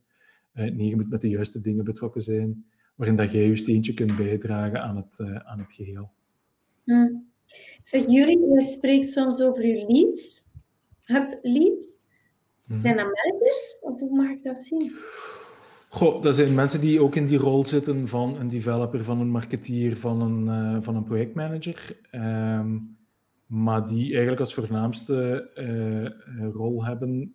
Die, die zijn dus deels developer, deels projectmanager en deels hublead. en in die rol van hublead doen die gesprekken met mensen, doen die check-ins. En is hun voornaamste rol om mensen een spiegel voor te houden, te challengen op hun, op hun groeipad. Um, en worden die eigenlijk begeleid om dat te doen? Want ik kan mij voorstellen... Absoluut. Ja, absoluut. absoluut. Hebben we... Met, uh, nee, dat is inderdaad niet iedereen gegeven. Uh, en um, ja, allee, uh, daarin hebben we de mensen echt al heel stevig begeleid. ook, ook, ook, sessies gedaan met, met een acteur zelfs. en, en, en, zo op zich wel, wel leuke dingen gedaan staan we regelmatig ook, ook bij stil en doen we regelmatig ook zo uh, uh, sessies rond. Hm. Um, maar dat is wel heel mooi om te zien hoe dat die mensen gegroeid zijn in iets wat ze voordien, voordien nooit gedaan hadden uiteindelijk. Maar dat, wat ze eigenlijk, omdat ze daar toch al goesting in hadden. Uh, en, en je proeft dan van je eerste succesje dat, dat je zo een aantal check-ins hebt gedaan. En blijkbaar zijn die mensen daar wel tevreden mee als die het klankbord krijgen en zo verder tot waar dat we nu staan. En, en dat die mensen echt wel heel ervaren zijn en, en verschillende check-ins doen. Uh, het, het, team van, van, van marketeers en het team van projectmanagers. Maar dat ze eigenlijk ja, dat, dat, toch al goed onder de knie krijgen. Um, ja, dan, uh, dan is dat wel leuk om, om die mensen daarin in die rol dan ook uh, te, te zien groeien. Wie begeleidt er in die rol? Uh, dat is enerzijds uh, ik slash de, de operations en anderzijds ook uh, iemand extern. Ja, oké. Okay, ja. Die zo één of twee keer per, één of ja. twee keer per jaar doen we zo, zal ik zeggen, een, een, kiezen we onze, een, een, werkpunt uit en, en, gaan we daar rond wat, wat, werken. Dat kunnen gesprekken zijn, en hoe worden die check-ins opgebouwd. we hebben, we hebben, voordien ging dat dan over de structuur van zo'n heel jaar en, en wat soorten van gesprekken en hoe gaan we die gesprekken opdelen. Uh, hoe gaan we de verloning uh, daaraan koppelen uh, aan, die, aan dat ja, competentiebeleid. Um, ja, dat zijn allemaal zo stappen die we doorheen de jaren hebben genomen en waar je nu zo ja, de, de vruchten van voor je ziet in, in mensen die, die groeien door, door die happies. Dus dat vind ik schitterend om te, om te zien. Ik wil het ehm, heel graag vertellen, want uh, misschien heb ik dat nog niet verteld. Denk ik niet. Maar ik uh, organiseer in bedrijven zelf, ik noem dat raad van adviezen of raad der leiders, of hoe noem je het mhm. ook. Dat zijn dan zo hub leads die ik samen aan tafel laat plaatsnemen. En um, soms is dat een topic, een, een theoretisch topic, die aan bod komt. Hè. Um, soms is er een bepaald inzicht die aan bod komt. Bijvoorbeeld, ik vind dat in een uh, dergelijk gesprek en check-ins is dat voor mij een stop, start, continue uh, topics die aan mhm. bod komen. We moeten praten over iets dat moet stoppen. We moeten praten over iets van oké, okay, we gaan dat hier opstarten. Of we moeten praten over iets van we gaan dat hier verder doen. En dat mag gaan over een opleiding die moet worden opgestart. Dat mag zelf Excel zijn. Dat moet niet, of dat mag over een, speciale manier van werken zijn. En dat vind ik belangrijk. Dat zijn zo onderwerpen die aan bod komen, maar dat kan evenzeer een case zijn. En, want uiteindelijk, elke teamleider, hoe groot, klein of welke organisatie ook, heeft wel ooit eens te maken met iemand die zijn team echt goed functioneert uh, qua prestaties, maar die eigenlijk geen teamplayer is. Iedereen heeft dat wel meegemaakt. Hm? En, en dan is dat goed dat je daar onder teamleiders, als ik ze zo mag noemen, dat je daarover spreekt. Hoe ga jij daarmee om? Is dat een reden om te zeggen van ik neem afscheid van u? Um, of is dat een reden om, om die persoon wat korter op te volgen? En ik geloof, ik ben er ook mee gestart, dat je opleidingen zijn heel goed en boeken zijn heel goed, maar in de praktijk, het delen van ervaring, daar leer je het meeste mee. En men stuurt mensen, zoals dat je zegt, hè, ik ben blij om te zeggen, maar we doen het heel vaak ook intern, naar een opleiding om bij te leren. Maar eigenlijk kunnen die ongelooflijk veel leren van elkaar door gewoon te praten. Hè. Ja. Daarom dat ik nieuwsgierig was hoe dat je um, georganiseerd bent in je uh, ja. Nee, dat is, dat is een heel mooie evolutie die, die we de laatste jaren denk ik wel gemaakt hebben. Uh, En ay, dat is vooral de verdienste van, van die hubleads uh, um, in, in hoe dat zij daarin gegroeid zijn. En dan zie je dat dat, dat, dat een hefboom-effect heeft. Hè. Um, je gaat door, door glazen plafonds, waar je daarvoor een stukje mee, mee zat. Dat is, dat is heel mooi om te zien. Ja. Zo. Um, ik, misschien nog eens een andere vraag om even terug te komen op, uh, op uh, wat Marike daar straks zei. Uh, als ze vacatures ziet en, en of bedrijven bedrijf, begeleidt bij, bij het opstellen van vacatures en dergelijke. Um, ik, zal beginnen met, met een, een, een situatieschets die, die ik zelf heb meegemaakt in, in een van mijn vorige bedrijven waar ik, waar ik ingezeten heb. Er was een, een, een, een vrouw die, die binnenkwam in een bepaalde vacature. Dat was een vacature van marketing. En uiteindelijk heeft zij zes jaar bij dat bedrijf gewerkt en heeft zij eigenlijk zelf of nooit echt marketing kunnen doen. En heeft ze eigenlijk meer, uh, ik zal het nu operations noemen, het was, het was geen IT-functie, maar eerder gewoon de dagdagelijkse begeleiden van, van, uh, van mensen, uh, aanwervingsgesprekken, dat soort dingen. Heeft ze eigenlijk gewoon de, de, manager van alles heeft ze eigenlijk een beetje gedaan voor, voor zes jaar lang.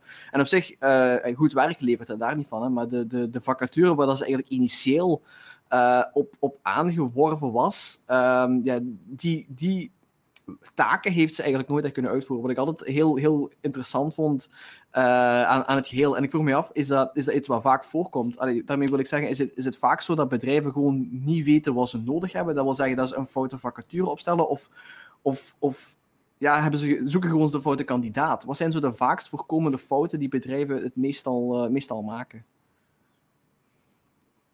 Ik, uh, ik denk dat ik al daarnet al iets heb gezegd. Dat ik vind die vaak voorkomt, is dat de rol eigenlijk niet duidelijk is.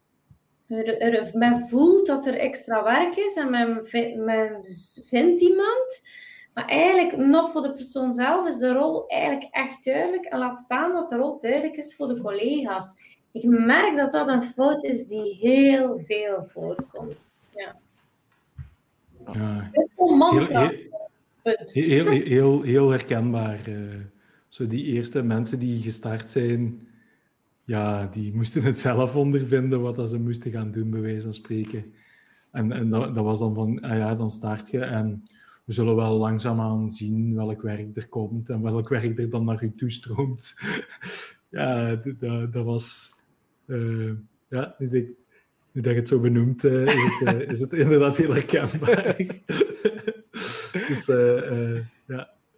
Uh, en wat is dan de juiste oplossing hiervoor? Is het dan echt zo dat bedrijven op voorhand de, de taken moeten gaan verdelen en bijna op voorhand moeten zeggen van kijk, die verantwoordelijkheid gaan we overhevelen aan die persoon en zo verder? Of, hoe, of is, dat, is dat begrijpelijk dat je, dat je op zekere hoogte erin moet rollen? Want ik kan me voorstellen dat je het gewoon niet altijd weet hoe dat gaat uitdraaien.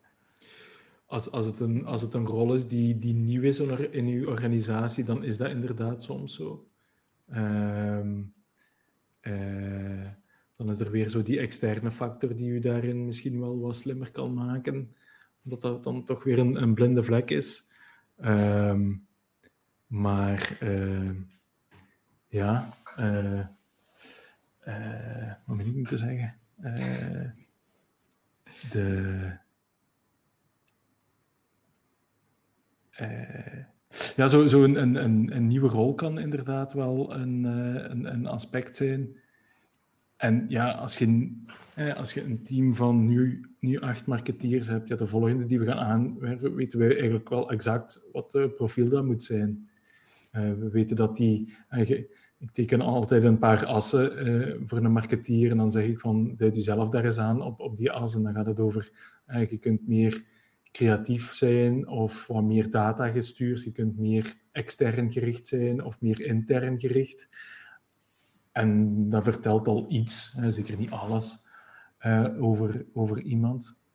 Um, en ja, we weten nu al welk type van marketeer dat we aan het zoeken zijn en waarin die zijn, één, zijn expertise heeft of ook een stukje hoe dat hij eigenlijk als persoon eh, in dat team moet fungeren of voor evenwicht uh, zorgen.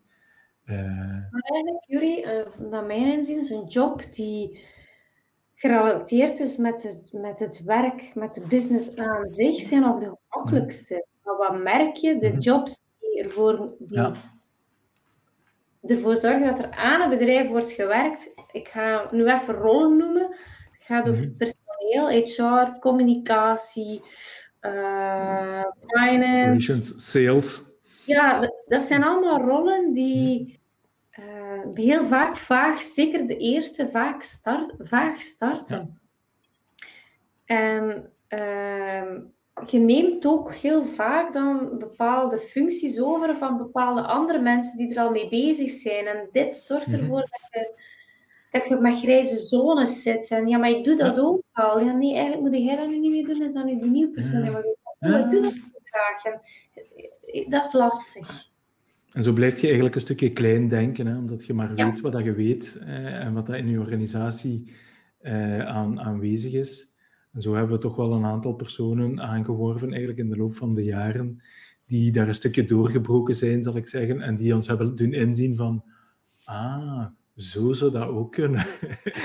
en dat is gewoon zo. En, en dat is heel dankbaar dat die mensen die deur open doen voor u, maar je hebt die mensen wel nodig, want je vindt die deur niet. Je vindt ze zelf niet. Niet, niet omdat je dat niet wilt, maar omdat je ze niet ziet. ja. uh, dus heel herkenbaar wat, je, wat je daar zegt. Uh. Hm. Is, is, dat, is dat voor een stuk ook gekomen door te spieken bij andere bedrijven, Jury? Want op zich, allee, je vertelt nu heel veel dingen dat ik zeg van, ah ja, dat klinkt heel logisch, maar ik zou daar zelf bijvoorbeeld niet achter gekomen zijn.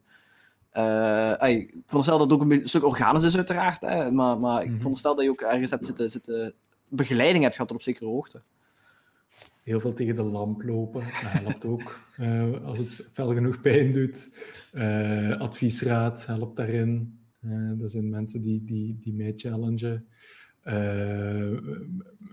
Externe, zoals iemand voor. voor we, we, hebben een, een, Chief Happiness Officer bij ons, Lies, en die, die eigenlijk ervoor zorgt dat de Japanezen goed op hun plek zitten en, hun, niet te veel romslomp en weet ik veel wat moeten aantrekken. en anderzijds heb je, heb je Joris, op wie dat we regelmatig beroep doen, om zo ons eigenlijk een, een, een, aantal keer per jaar te challengen op hoe dat we bezig zijn, zal ik zeggen. Um, en ik denk dat je die mensen eigenlijk constant moet, moet opzoeken en moet toelaten in je organisatie om die erin te gooien, je ogen dicht te doen en, uh, uh, en kijken hoe, hoe, hoe, beter, hoe, het beter wordt, zal ik zeggen. Um, en zo hebben we inderdaad uh, ook wel al een aantal mensen gehad die, die dat hebben kunnen bewerkstelligen. Um, een van de voorbeelden is, is, is Bart, onze, onze operations, chief operations. Um, die is er een twee, drietal jaar geleden is die erbij gekomen. Um, heeft, heeft serieus wat, wat ervaring. en zijn opdracht, herinner ik mij nog, was van un unlock de, de potential. Zo. Als, je, als je ziet van er is heel veel potentieel, maar hè, ik kan ze misschien tot hier brengen. We hebben, we hebben een deuropener nodig. En zo'n zo'n baard was in onze organisatie zo iemand die een deur heeft opengedaan. En dan zie je direct dat, dat er een aantal mensen daar heel snel zich gaan aanklampen uh, en die deur eigenlijk ook uh, vrij snel zien. En die eigenlijk ook, zal ik zeggen, next level, next level groeien. En dat, dat vind ik heel chic. in, een organisatie, dat je denkt van, ja, zitten we bij wijze van spreken aan ons gemeenschappelijke plafond. En dan is er iemand die zegt, hé, hey, daar is een deur. Uh, en dan ziet je daar uh, je, je, organisatie uh, eens door die, door die deur gaan. Dat vind ik wel heel, heel, frappant ook. dus de, de, de, de, boodschap is, je, je moet die mensen opzoeken en toelaten in je organisatie. En is dat nu van buitenaf of van binnenaf, dat maakt eigenlijk nog niet zo heel veel uit. Mm. Je moet ze vooral toelaten en nu ja, een stukje kwetsbaar opstellen. Want als jij zegt uh, dat je het goed doet uh, uh, en, en dat je het grote gelijk hebt, ja, dan gaat het niet pakken, want dan gaan die die deur niet wijzen.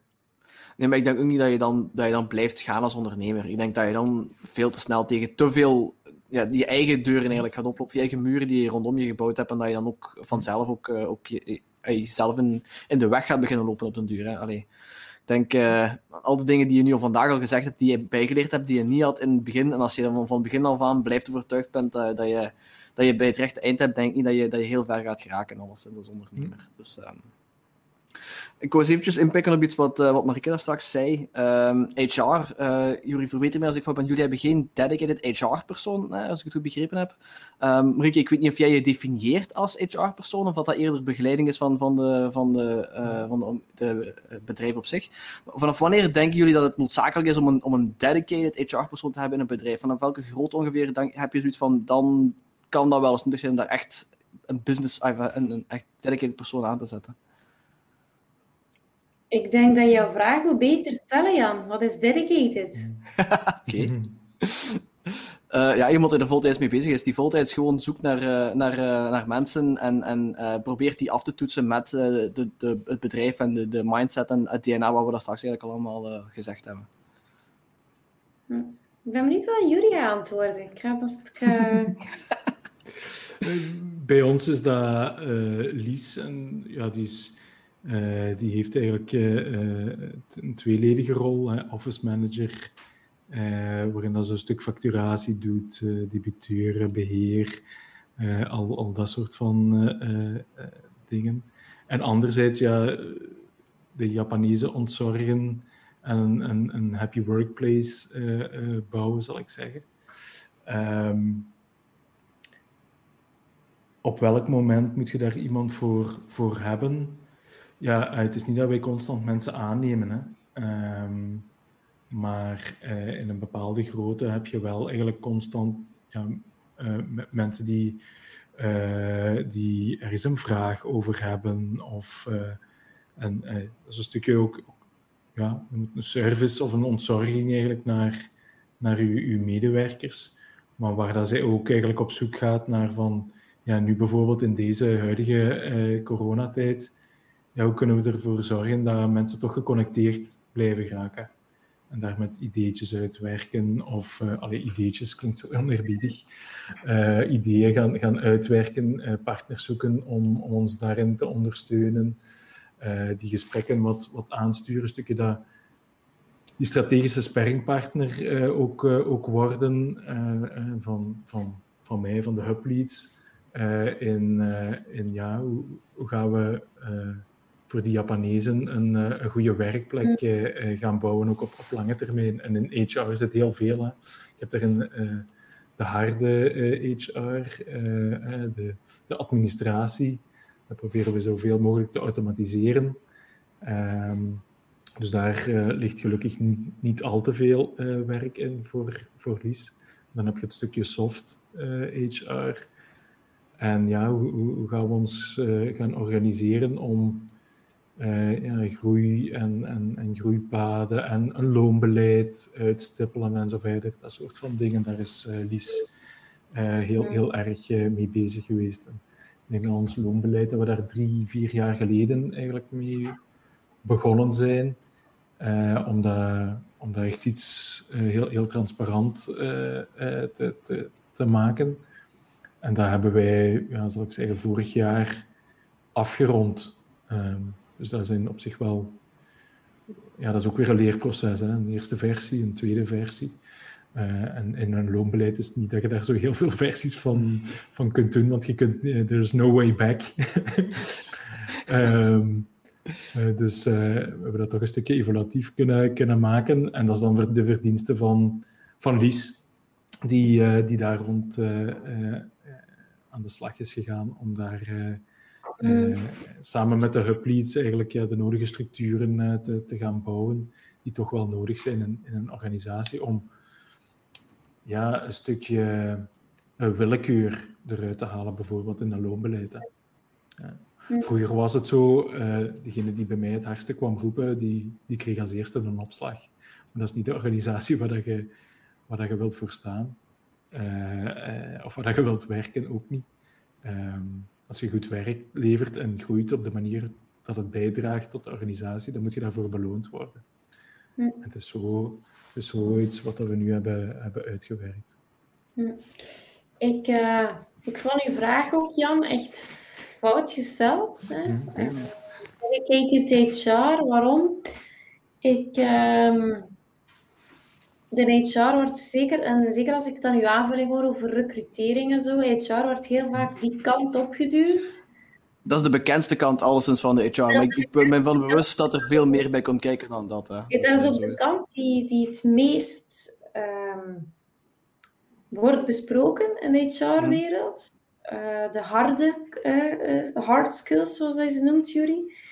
Dat ik nota bene totaal fout vind, want hard skills, dat zijn eigenlijk soft skills. Hè. Laten we eerlijk mhm. zijn, administratie, cao's, dat is wat dat is. Ik bedoel, dat is, dat, is, dat is administratief werk, met mensen werken en hoe communiceren en het wispelturige van een mens, dat vind ik, dat wordt dan soft skills benoemd, maar voor mij zijn dat hard skills. Hè. Hoeveel keer heb je niet dat je team hebt, dan nu komt hij, maar daar kan ik wel niet meer mee klappen. Hè. Dat kan ik niet mee Ja, en dan ja. kom je helemaal in het probleem gaan oplossen. Ja. Allee, dus vandaar zo de lichte nuance tussen hard en soft. Ja, geen probleem. Um, wat ik meer van houd, en dat is daarom dat ik het jullie ook graag hoor zeggen, is iemand die verantwoordelijk is voor communicatie. Communicatie intern en communicatie extern. En voor mij is dit een, een, een fulltime job voor iemand die HR doet. Iemand die hm. de communicatiekanalen nadenkt over hoe, hoe kunnen we ervoor zorgen door in onze groei dat, niet, dat iedereen bij wijze van spreken in eerste lijn kan geïnformeerd worden. Hm. Wat gaan we daarvoor op poten zetten? En die voeling houdt met de werkvloer. Ik ben in een organisatie actief en het fascineert mij hoe dat daar de lokale HR ehm, voeling heeft met de werkvloer. Die, ah, er is iemand die trouwt, ah, ja, kom, we gaan iets in elkaar. Die stopt dat tijd in hè? en die doet dat hm. naast haar administratieve. Dus hè, maar je ziet, er kruipt daar veel werk in. Dan, dan wil ze klankbordgesprekken op poten zetten, omdat ze voelt dat er iets leeft. Dus ze wil daar tijd in stoppen. Maar goed, dat is tijdens de werkuur dat je dat doet, want ze is met arbeiders en je kunt niet verwachten dat ze dat na de werkuur ook doen. En je merkt dat er, als je echt goed wil bezig zijn met jouw bedrijf, is dat, is dat een fulltime job. Hm. Ik begrijp uiteraard wel dat er nog dingen bij kunnen komen, hè, zoals dat gezegd, die office, hè, dat jullie van spreekt, het zeker. Hm. Maar eigenlijk moet je niet wachten om iemand aan te duiden die daar als fulltime job mee bezig is. Je kunt dat eigenlijk vanaf vijf mensen al doen. Iemand die zegt van, kijk, dat is uw verantwoordelijkheid om extern te communiceren en intern te communiceren. En als je met vijf zit, is het gemakkelijker, klopt inderdaad. Maar vanaf dat je niet meer in eerste lijn wordt geïnformeerd van een beslissing, hm. dan is dat al iets dat er kan over nagedacht worden. Dus ik heb ook die vacature in een van mijn begeleidende bedrijven, is ook opengesteld, eh, niet als HR, maar als uh, communicatieverantwoordelijke. En dat is een ruime vulling, invulling. Hè? Is Facebook, Instagram, uh, LinkedIn, dus de social media kanalen, maar als ook het openstellen van vacatures, het intern communiceren van, kijk, dat is de, uh, welke, we hebben iemand nodig voor ons groeiverhaal waar te maken.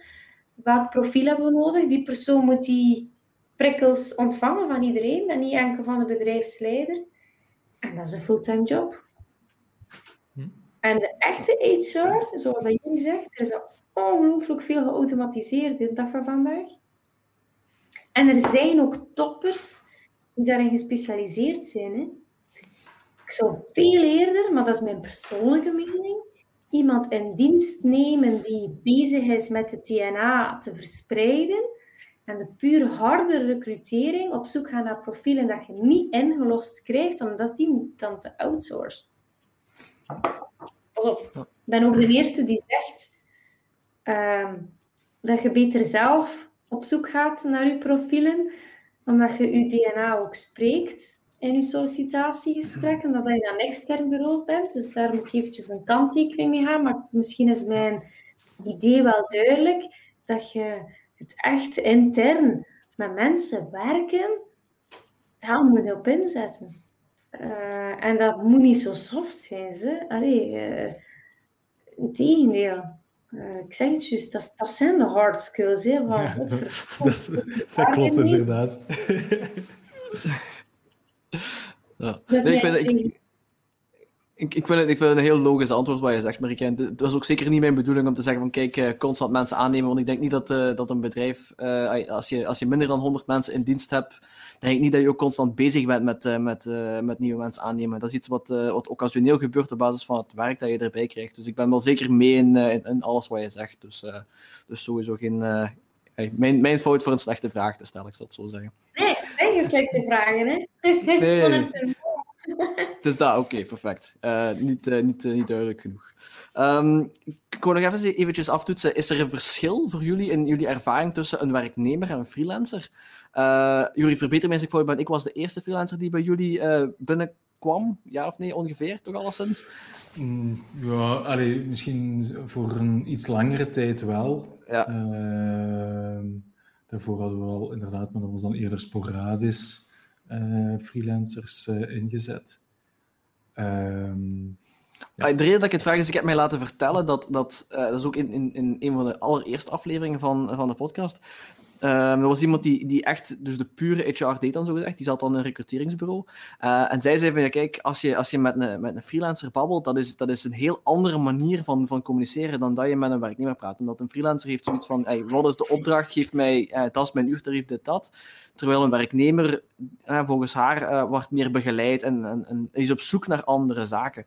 Dus ik was even, ik was even benieuwd hoe dat voor jullie, hoe dat volgens jullie ervaring is, of dat moeilijker is om zo iemand in een team te plaatsen, of of, of, die match te maken um, als, er, als er toch andere verwachtingen bij zijn?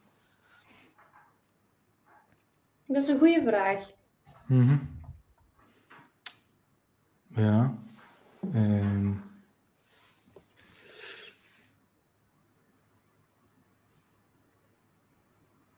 Ik, ik, denk dat het, allee, het is altijd een, een uh, ik moet zo zeggen, bij ons uh, is dat een, een ander soort van, van relatie. Om, je hebt organisaties waar dat de, de helft van, van de crew bestaat uit freelancers. Uh, en dat is natuurlijk een heel ander gegeven dan wij die dan eens drie maanden en dan misschien eens twee maanden en dan een half jaar niemand freelance in, in dienst hebben. Um, maar los daarvan denk ik um, ja, dat het niet gek veel anders zou mogen zijn. Uh, maar ik denk dat dat tot hiertoe wel al altijd anders is geweest. Uh, de verhouding medewerker en, en freelancer. Uh, we, gaan, we gaan een freelancer altijd overal op uitnodigen. Ook op de Jappa Waduda's denk ik dat je ook gewoon hebt, hebt, hebt, aangesloten of kunnen aansluiten. Ehm, maar ja, het, blijft wel een, een, het, hangt, eh, het hangt wel de context af. Hè. Als, als jij voor, voor twee maanden bij ons bent, ja, dan is dat op een andere manier dan, dan dat je eh, een jaar bij wijze van spreken of, of meerdere jaren bij ons uh, zou, zou zijn. Dat, dat maakt op zich die, die relatie toch wel, wel anders. Um, uh, lijkt mij. Um, nou eens. Dus, geen gemakkelijke vraag, maar ja, die, uh... moet, moet niet altijd gemakkelijke vragen stellen, Juri. Af en toe, uh, af en toe maak ja, maar dat was toch de afspraak? Uh, ja, maar ik heb best wel commentaar gehad op mijn vragen, dan mag je ook af en toe eens een moeilijke vraag stellen.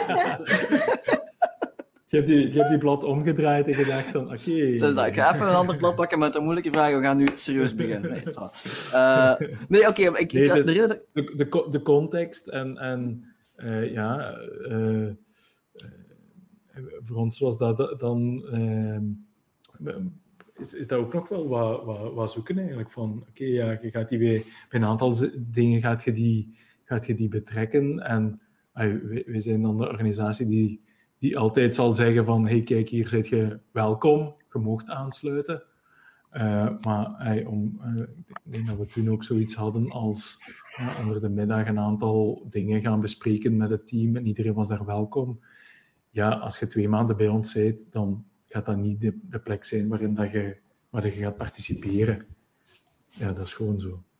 Ja. Maar te zien dat je tijdens je zoektocht ook je andere dingen hebt afgevraagd of andere bent gaan nadenken omdat het net een freelancer was, omdat het net maar korte termijn was of iets dergelijks. Allee, ik heb dat alles dus nooit ervaren. Zo, maar... ik, ik, denk dat die match er evenzeer moet zijn. Hè. Je gaat met mensen samenwerken uh, en uh, die, die, die klik uh, moet, moet er evenzeer zijn, want je kunt nog zo goed skilled zijn als, als het niet lukt om, om met, met een freelancer te communiceren of samen te werken ja, dan, dan is dat ook niet de juiste freelancer. Hè? Dus ik denk niet dat daar per se heel veel verschil in zit. Zie je het vaak, Marieke, dat bedrijven nog altijd weigerachtig zijn ten opzichte van freelancers? Ten eerste, omwille van het, het verloning is, is voor een stuk daar, daar een factor, maar is het ook zo van, ah, dat is iemand van buitenaf die, die niet, niet echt in het bedrijf zit? Ja, nee. Alles heeft zijn voor- en zijn nadeel. En dan merk je ook dat dat leeft. Um, natuurlijk als het gaat om de functie zoals dat ik doe, hè, dus eigenlijk echt dat bedrijven op bijstaan, dan zie ik daar geen, geen verschil in. Um, ehm, Integendeel, ik merk net dat ik extern ben en niet word betaald door, um, of ja, hun ik moet maken dat mijn zin juist maken. Uh, dat door ik in gesprekken te gaan met hen, dat uh, zij praten met mij, dat zij niet afhankelijk zijn van wat dat ze zeggen, uh, dat ze geen schrik hebben, want ik ben een externe partij. Uh, dan merk je wel dat dat een extra troef is. Hè. Ehm, en het is niet dat er altijd issues of, of, of, of hete hangijzers worden besproken, maar je merkt dat dat dat wel deugd doet voor heel veel. Dat iemand extern een, ja, een luisterend oor is, een klankbord is. Dat merk je wel. Dat is zo net als dat je als een, ja, een relatieprobleem zit en je zegt ik doe beroep op een relatietherapeut. Ja, eigenlijk kan eender wie dat doen. Hè, maar je zegt gewoon nee, iemand extern, iemand die er kaas van gegeten heeft, iemand die mij kan helpen, ga mij de richting uitwijzen. Ik bekijk dat juist op dezelfde manier als het gaat over, zoals dat Jury spreekt, zo de freelancers, werknemersrol, dan hangt dat van sector naar sector. Um, de sector waar dat jullie actief in zijn, is inderdaad de freelance wereld. Um, voor, als het echt een drukke periode is, dan kunt je beroep op doen. Ik hoor dat de wereld van vertaalbureaus, dat dat een en al freelance is, dat daar heel zelden op eh, de payroll wordt gewerkt, omdat dat gewoon, ja, hij spreekt Spaans, ik spreek Engels, en afhankelijk van de opdracht die binnenkomt, wordt dat doorgestuurd. En ik merk dat die het heel lastig hebben voor een bedrijfscultuur uit uh, te werken. Um, omdat je, ja, je bent, geen, je bent een bedrijf en toch niet, hè. Je werkt met vaste freelancers, maar toch staan die niet op de payroll. Hè. Dus ik merk dat daar niet heel lastig hebben. Uh, maar het freelance gebeuren op zich, of dat bedrijven daar moeite mee hebben of niet, dat vind ik niet. Integendeel, ik merk zelf nu, is dat met corona te zien? Ik weet het niet. Maar ik merk dat uh, voor bepaalde zaken men liever het zegt van oké, als ik daar beroep kan op doen op het moment dat ik het nodig heb, dan doe ik het liever dan dat er iemand op dit moment op mijn payroll staat en het is misschien geen fulltime job. Dat merk ik wel. Zeg niet dat dat corona gerelateerd is, want dat is toch wel al eventjes aan de gang, maar dat zal nog meer in de verf worden gezet. Ja, daar ben ik zeker van. Ja, ik denk dat het ook een beetje afhangt. Uh, de, de onzekerheid speelt sowieso mee. Uh, voor de freelancer is dat ook natuurlijk niet altijd, uh, niet altijd even goed. Ik heb de chance gehad dat ik ben kunnen blijven doorwerken tijdens, tijdens corona, maar ik, ik weet van andere mensen. Ik heb gehoord van een sourcingbedrijf die 50% van hun consultants hun, hun job verloren zijn. Dus dat is toch wel, dat is toch wel vrij veel. Pak nog dat er maar 20 zijn dan nog. dat zijn toch mensen waarvoor dat je opnieuw een opdracht moet gaan zoeken. Dus uh, in die zin kan ik me wel voorstellen dat je als bedrijf uh, dan even kan zeggen van kijk, als ik even die persoon kan, kan bijtrekken, dan, dan is dat, dat handig. Dat is een kost die... Ik heb ook een opdracht gehad, hè, begin van corona. Uh, ik had die zelf meegerekend in mijn business, uh, of ja, in mijn financieel plan. Want dat was eigenlijk qua redelijk een belangrijke inkomstenbron. En die zei me, ja Marieke, wij gaan geen externe betalen als we hier mensen op technisch werkloosheid moeten zetten. Hè bam. En ik zei, alleen, je hebt mij nog ongelooflijk veel nodig op dit moment. Ja, maar wij kunnen dat niet financieel verantwoorden. Ja, oké. Okay. Ik ben heb je niks te zeggen als. Maar ja, ja dat, zijn, dat zijn op den duur ethische kwesties. Hè. Het gaat niet over leven of dood, dat niet, maar het is, dat is kiezen. Hè. Mijn, voor wat kies je? Voor, de, voor ja, technisch werkloosheid, mensen thuis laten zetten en ondertussen paradeert Marieke hier uh, drie dagen in de week. Ja, en wij moeten thuis zitten. Ja, dat klopt niet. Hè? Maar nee, uiteraard. ook ander werk, maar dus ja, het is... Het is ja, het is herkenbaar. Ja. Men, men, men knipt op de kosten, hè. tuurlijk. Ja.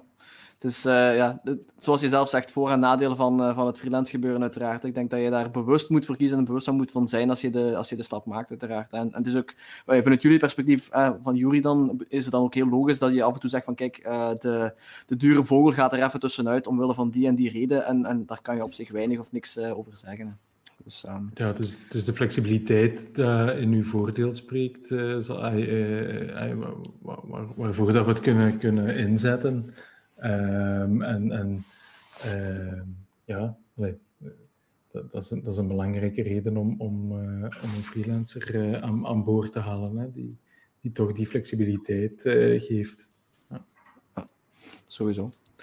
Um, Oké. Okay, um, ja, ik wou nog eventjes aftoetsen bij, bij jullie beiden. Uh, maar Marieke weten we dat ongeveer, omdat ze in het begin dan heel duidelijk heeft gezegd dat ze, dat ze nog een tijdje alleen uh, wilt zijn, sowieso. Uh, misschien dat dat nog goed verandert.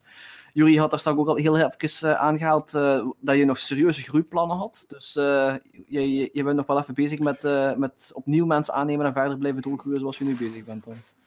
Mm, nee, dat ging over een aantal jaar geleden. Ah, oké, okay, onze, onze plannen hebben, hebben gezet.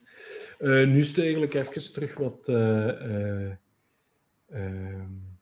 hoe zal ik zeggen, de stabiliteit zoeken, ons terug wat goed in de grond zetten, om dan te kijken wat, wat, voor ons eigenlijk de, de, volgende stappen zijn. We zijn wat aan het experimenteren met een aantal zaken, maar ondertussen ehm, ja, ons, ons werk en onze werking verder optimaliseren. Um, en we gaan nog wel, wel groeien, uh, zeker en vast. Um, maar uh, uh, dat hoeft, we, we, hebben nooit, of ik heb nooit de ambitie gehad om, om richting 100 mensen of zo te, te gaan. Um, maar wel gewoon een, een, een sterke, een sterke club hebben die, die kwalitatief werk kunnen, kunnen opleveren. en die iets kunnen wat, iemand anders eh, eh, misschien, eh, misschien niet kan. En zo die mensen samenbrengen. Um, en um, de, de, de tijd is er eigenlijk de afgelopen anderhalf jaar niet echt naar geweest om het perspectief op plus 2, 3, 4, 5, laat staan 5 jaar te zetten. Uh, maar ik heb het afgelopen jaar eerder het perspectief op de volgende dag of de volgende week in, vanaf september misschien zoals de volgende maand, nu, nu het volgende kwartaal. Um, dus uh, dat zijn de perspectieven geweest eigenlijk de, de afgelopen tijd. En dat is niet, dat is niet oké, okay. uh, dat, zou, dat zou niet mogen. Maar het was wel de, de harde realiteit, denk ik, waarin dat we zaten. Ehm, dus ik, ik, ik keek wel uit naar ook eens even terug zo uit die organisatie te kunnen, kunnen stappen om, om wat verder vooruit te kijken. Uh, en dat gaat dit jaar wel zeker gebeuren. Goed, hè? Leuk, hè? ja, oké, okay, okay, leuk. Heb je, heb je ooit al eens gedacht, Jury, om, om Jappa te laten aan iemand anders en aan iets anders te beginnen? Want ik, ja, gelijk gezegd, je hebt nog nooit iets anders gedaan dan Jappa. Mhm. En op zich, de, dus de, de organisatie is volwassen genoeg, op basis van wat we vandaag Mhm. verteld hebben, denk ik wel, om, om voor zichzelf te zorgen. Mits iemand anders uiteraard op jouw positie komt. Hè. Maar is er zo nog iets anders waar je ooit denkt aan, aan te beginnen? Ik ga nog eh, andere dingen doen. Eh, daar ben ik wel, eh, wel, wel zeker van. Ik heb ook al, al andere dingen gedaan. Ik heb in een, in een, een spin-off van de KU Leuven gezeten, wat ook een, een, een heel ervaring was. Maar ja, ik ga zeker nog wel, wel dingen doen. Met met de dingen die ik, die ik hier heb geleerd, wil ik nog wel eens zien, zien gebeuren eigenlijk in, in andere organisaties. Maar er zijn nog geen concrete plannen. Eh, los van een, eh, een webshop die we binnenkort gaan, gaan opstarten, zijn er nog geen eh, concrete, concrete plannen in die richting. Oké, ik ben benieuwd. Maar dat gaat er zeker komen.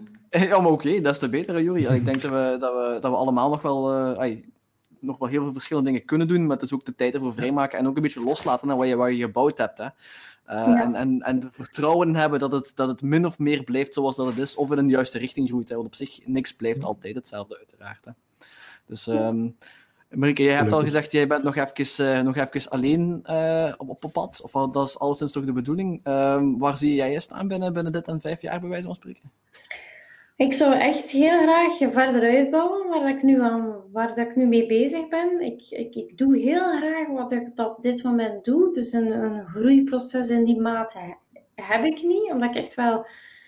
Ik wil blijven die klankbordsessies houden in één op één of in teamverband. Omdat ik echt wel merk dat er heel veel nood aan is. Eh, ik merk ook dat die goesting en die drive kampjes aan het groeien is. Dat men vroeger daar kritischer tegenover stond dan dat, dat men het nu ervaart. Dus dat wil ik verder uitbouwen. Ja, en ik, heb, ik voel gewoon van mezelf, ik heb zoveel nog ideeën. Ehm, ja, ik, ik, ik, organiseer op dit moment, allee, door corona kan ik niet laten doorgaan, maar ik organiseer ook ontbijtclubs. En in die ontbijtclubs kunnen eh, bedrijfsleiders, teamleiders mee aan tafel zitten met, met iemand. Ik nodig altijd een eregast uit, iemand die ik vind, jullie zou een eregast kunnen zijn, dat hoe bepaalde zaken aan het organiseren is binnen zijn organisatie, maar die tegelijkertijd wel eens gewoon wil sparren. En wat die ontbijtclub zorgt ervoor, we zitten met tien mensen aan tafel. Twee zijn de eregast en ikzelf, en de andere acht tekenen erop in. En er wordt gewoon van mening gedeeld, ervaringen gedeeld, er zijn cases, dat wordt zo kalmpjes aan gemodereerd door mij in het gesprek. En ehm, ik merk dat er daar, ja, dat is echt een succes. Mensen willen ook echt praten over ervaringen. Ehm, is het niet in de eigen organisatie, is het gewoon een keer oor te luisteren leggen naar iemand anders. En het idee die had bij het organiseren van die ontbijtclubs komt echt van opleidingsmomenten. Dus je luistert naar een opleiding, naar een keynote, en dan je het koffiemomentje of het lunchmomentje. En ja, maar zijn wel makkelijk praten. Hè? Hoe doe jij dat in je organisatie? En dan dacht ik, ja, maar dan moet ik dat, dat koffiemoment moet installeren. En ehm, ik heb nog zoveel plannen met die ontbijtclub. Eh, op dit moment gaat dat door in West-Vlaanderen. hè, Want je hoort ook lichtjes aan mijn accent misschien. Hè? Dat was echt een, geboren en getogen in het hartje van West-Vlaanderen. Nu, ik werk weliswaar eh, volledig in Vlaanderen. En ik merk ook in de bedrijven dat ik nu actief ben, in Kempen bijvoorbeeld, dan zeggen ze, ja Marieke, we willen dat je ook een ontbijtclub hier organiseert. Dus ja, ik moet nu... Ik, ik, ik, ik merk dat het een perfect kopieerbaar model is. En eh, het is een gezellig locatie, no nonsense, eh, geen, geen zwaar opleidingscentrum. Het is echt, ja, ik, ik huur een eh, café af. Hè. En het is echt het café dat te doen is. Hè. En dan, dan maakt het zo anders. Ehm, ik vind dat wel belangrijk. Dus op dat vlak heb ik wel heel wat groeiambitie om, dat, om daar iets mee te doen. Ik wil het zelf in elke provincie organiseren. Goed, ik, bedoel, ik heb vroeger in Wallonië gewerkt, moet het in Frans laten doorgaan. Geen probleem, dat zie ik wel zitten. Maar ik geloof dat er daar ehm, de, mensen willen van elkaar leren. Ik vind dat fascinerend om te zien dat zelfs ondernemers onderling heel graag advies geven. Ja. Dat vind ik Denk- fascinerend. Ja. Ja, dat is, eh, dat ook iets wat ik gehad heb uit een, of geleerd heb uit een van de vorige sessies, was dat ondernemen. Dat was, eh eh, Juri, je gaat hem kennen, Joris van Vinkerooyen. Eh, die, die zei ook van, van ondernemen is een heel eenzaam bestaan, zei hij. En op zich kan ik hem daar wel voor een stuk in volgen. Er zijn, er zijn weinig mensen met wie dat je zeker de, de, de interne keuken van je bedrijf kan delen. En, en, en elk bedrijf is anders. En je kan wel een beetje, een beetje praten met andere ondernemers die min of meer hetzelfde hebben als jij, maar het is nog altijd een beetje anders en, en zo verder. Dus. En, en, en ja, ik kan me perfect voorstellen inderdaad dat, dat als je dan eens even klankbord kan spelen of, of klankbord kan hebben, hè, gewoon, ehm, dat, kan, dat kan heel goed doen. En dat kan heel veel nieuwe inzichten geven, gewoon door te luisteren naar andere mensen over hoe dat hun onderneming gaat en, en, en zo verder. Ehm, ja. Ik leer zelf ook heel, heel enorm veel uit, uit dit, dit, dit soort gesprekken, hè. dat is geen enkel probleem. Als je in de spiegel kijkt, ziet je jezelf. Hè? Maar als er Ja. iemand meekijkt in die spiegel, dan zie je niet die puist op je, op je gezicht. Hè? Dan, dan zegt hij, maar zie- dat is maar iets, dat is een detail, ik zie iets anders. En dat is wel nodig. Ik, ik denk dat ik al, eh, eh, zolang dat ik eh, bezig ben, begonnen ben met, met, met Foca, met Plato bijvoorbeeld, heel, heel in het begin. En toen was er van Ja. Brio nog geen sprake. Eh, of bij Unizo heette dat toen Ondernemers voor Ondernemers. Eh, en dat zijn dingen die doe ik nu eigenlijk nog altijd. En, en vroeger was ik daar eh, de spons en, en keek ik daar eh, mijn ogen en mijn oren uit en probeerde ik zoveel mogelijk te absorberen. En nu zijn dat heel interessante momenten om ondernemers die ook al een, een paar jaar in dezelfde groep zitten, waar er een hele grote openheid is, waar er niet alleen succesverhalen gedeeld worden, maar ook, ook de minder eh, prettige eh, kanten eh, gedeeld worden. Ja, als dat kan, dan, dan, heb je, dan kun je echt wel iets hebben van zo'n eh, Hm. zo'n groep. Eh, en eh, ja, dat, dat, brengt, dat, brengt wel, eh, dat brengt wel iets bij. Zeker als dat mensen zijn die zo, zo in dezelfde of in een volgende fase van uw, van uw bedrijfscyclus zitten. Met, met mensen die, die, eh, die, die, zal ik zeggen, eh, hun eerste medewerker en zo verder aannemen, met alle respect. Eh, ik, ik wil graag met die een, koffie gaan drinken, maar dat is niet de groep waarin dat, dat ik zou moeten gaan zitten om ja, een stukje vooruit te kijken van oké, die volgende challenges die, die, die, waar dat wij voor staan. Wie, netwerk is altijd geven en nemen uiteraard. Ehm, maar je moet eh, voldoende triggers hebben, denk ik, eh, om, om, je, om je slimmer eh, te maken, om je ook te challengen. En, en dat kun je zeker in zo'n groep vinden. En ik vind dat dan chic dat je dat, dat je dat zelf eigenlijk een stukje faciliteert. Hè. Marieke. Hm. Nee, sowieso. Als het, eh, als het ooit naar Limburg komt, eh, laat het dan zeker weten. Ik, eh, ik zou ook zeker wel eens willen meedoen. Ik kan misschien zelfs nog een café aanraden waar dat het, eh het georganiseerd kan worden. Dus, maar, ik heb connecties, hè, dus ik wil die zeker ook ter beschikking stellen voor iedereen. Dus geen enkel probleem. We maken er allemaal wel iets moois van. Zo. Ehm, Marieke en Juri, ik ga jullie alvast heel hartelijk bedanken voor de tijd die jullie hebben vrijgemaakt. We hebben, we hebben vlot toch wel een uurtje of twee kunnen, kunnen rondbabbelen. Dus dat is, dat is altijd een, een, een heel mooi teken. Ehm, ik zou zeggen, eh dat zeg ik tegen al mijn gasten aan het einde van, eh, van de podcast, dat we eh, binnen dit en een paar jaar nog eens eventjes een check-up doen. Eens kijken hoe, hoe het gelopen is. Of de, de wilde groeiambities en de, de verwachtingen die we geschept hebben, eh, of die allemaal uitgekomen zijn, of dat we ons, ons traject hebben moeten bijsturen. Hè. Wie weet om welke reden dan ook. Eh, geen enkel probleem. Ehm, en dan kunnen we eens even kijken en eh, terug zien hoe dat, het, hoe dat gelopen is allemaal. Cool. Benieuwd. ja. Heel hartelijk bedankt alvast. En eh, ja, tot een eh, volgende keer. Dat voelt net Bedankt. aan alsof dat je zo een brief schrijft naar jouw 16 jaar. Ja, ja, ja, ja. Eh misschien de brief naar de toekomst, hè. niet naar het verleden. Ja. Hè. Dus, eh Ja. Ja. Marieke, Juri, tot de volgende keer. Aangenaam kennismaken. Marieke. Jan, Bye. veel succes. Aangenaam, merci. Hallo allemaal en bedankt voor het luisteren naar deze aflevering van de Business Mindset Podcast. Hopelijk was het voor jou net zo interessant als voor ons tijdens het gesprek. En heb je er één of meerdere dingen kunnen uithalen voor jezelf of om anderen te helpen in hun onderneming. Voor meer informatie over mijzelf, de gasten of tools, boeken of concepten die we besproken hebben tijdens de podcast, kan je altijd terecht in de omschrijving van deze aflevering. Heb je genoten van de podcast? Vergeet dan zeker niet om het te delen op social media. Dit helpt ons enorm om te groeien en om een groter publiek te bereiken. En hoe sneller we groeien, des te meer tijd we kunnen vrijmaken voor interessante gesprekken waar we zowel zelf als jullie iets kunnen bijleren. Heb je verder vragen of heb je feedback over wat we besproken hebben tijdens de aflevering? Of tips of verzoeken over onderwerpen die we kunnen behandelen? Of wil je iemand aanraden als gast tijdens de podcast? Laat het dan ook zeker weten. In de omschrijving van deze aflevering vind je een link naar alle social media accounts van de podcast.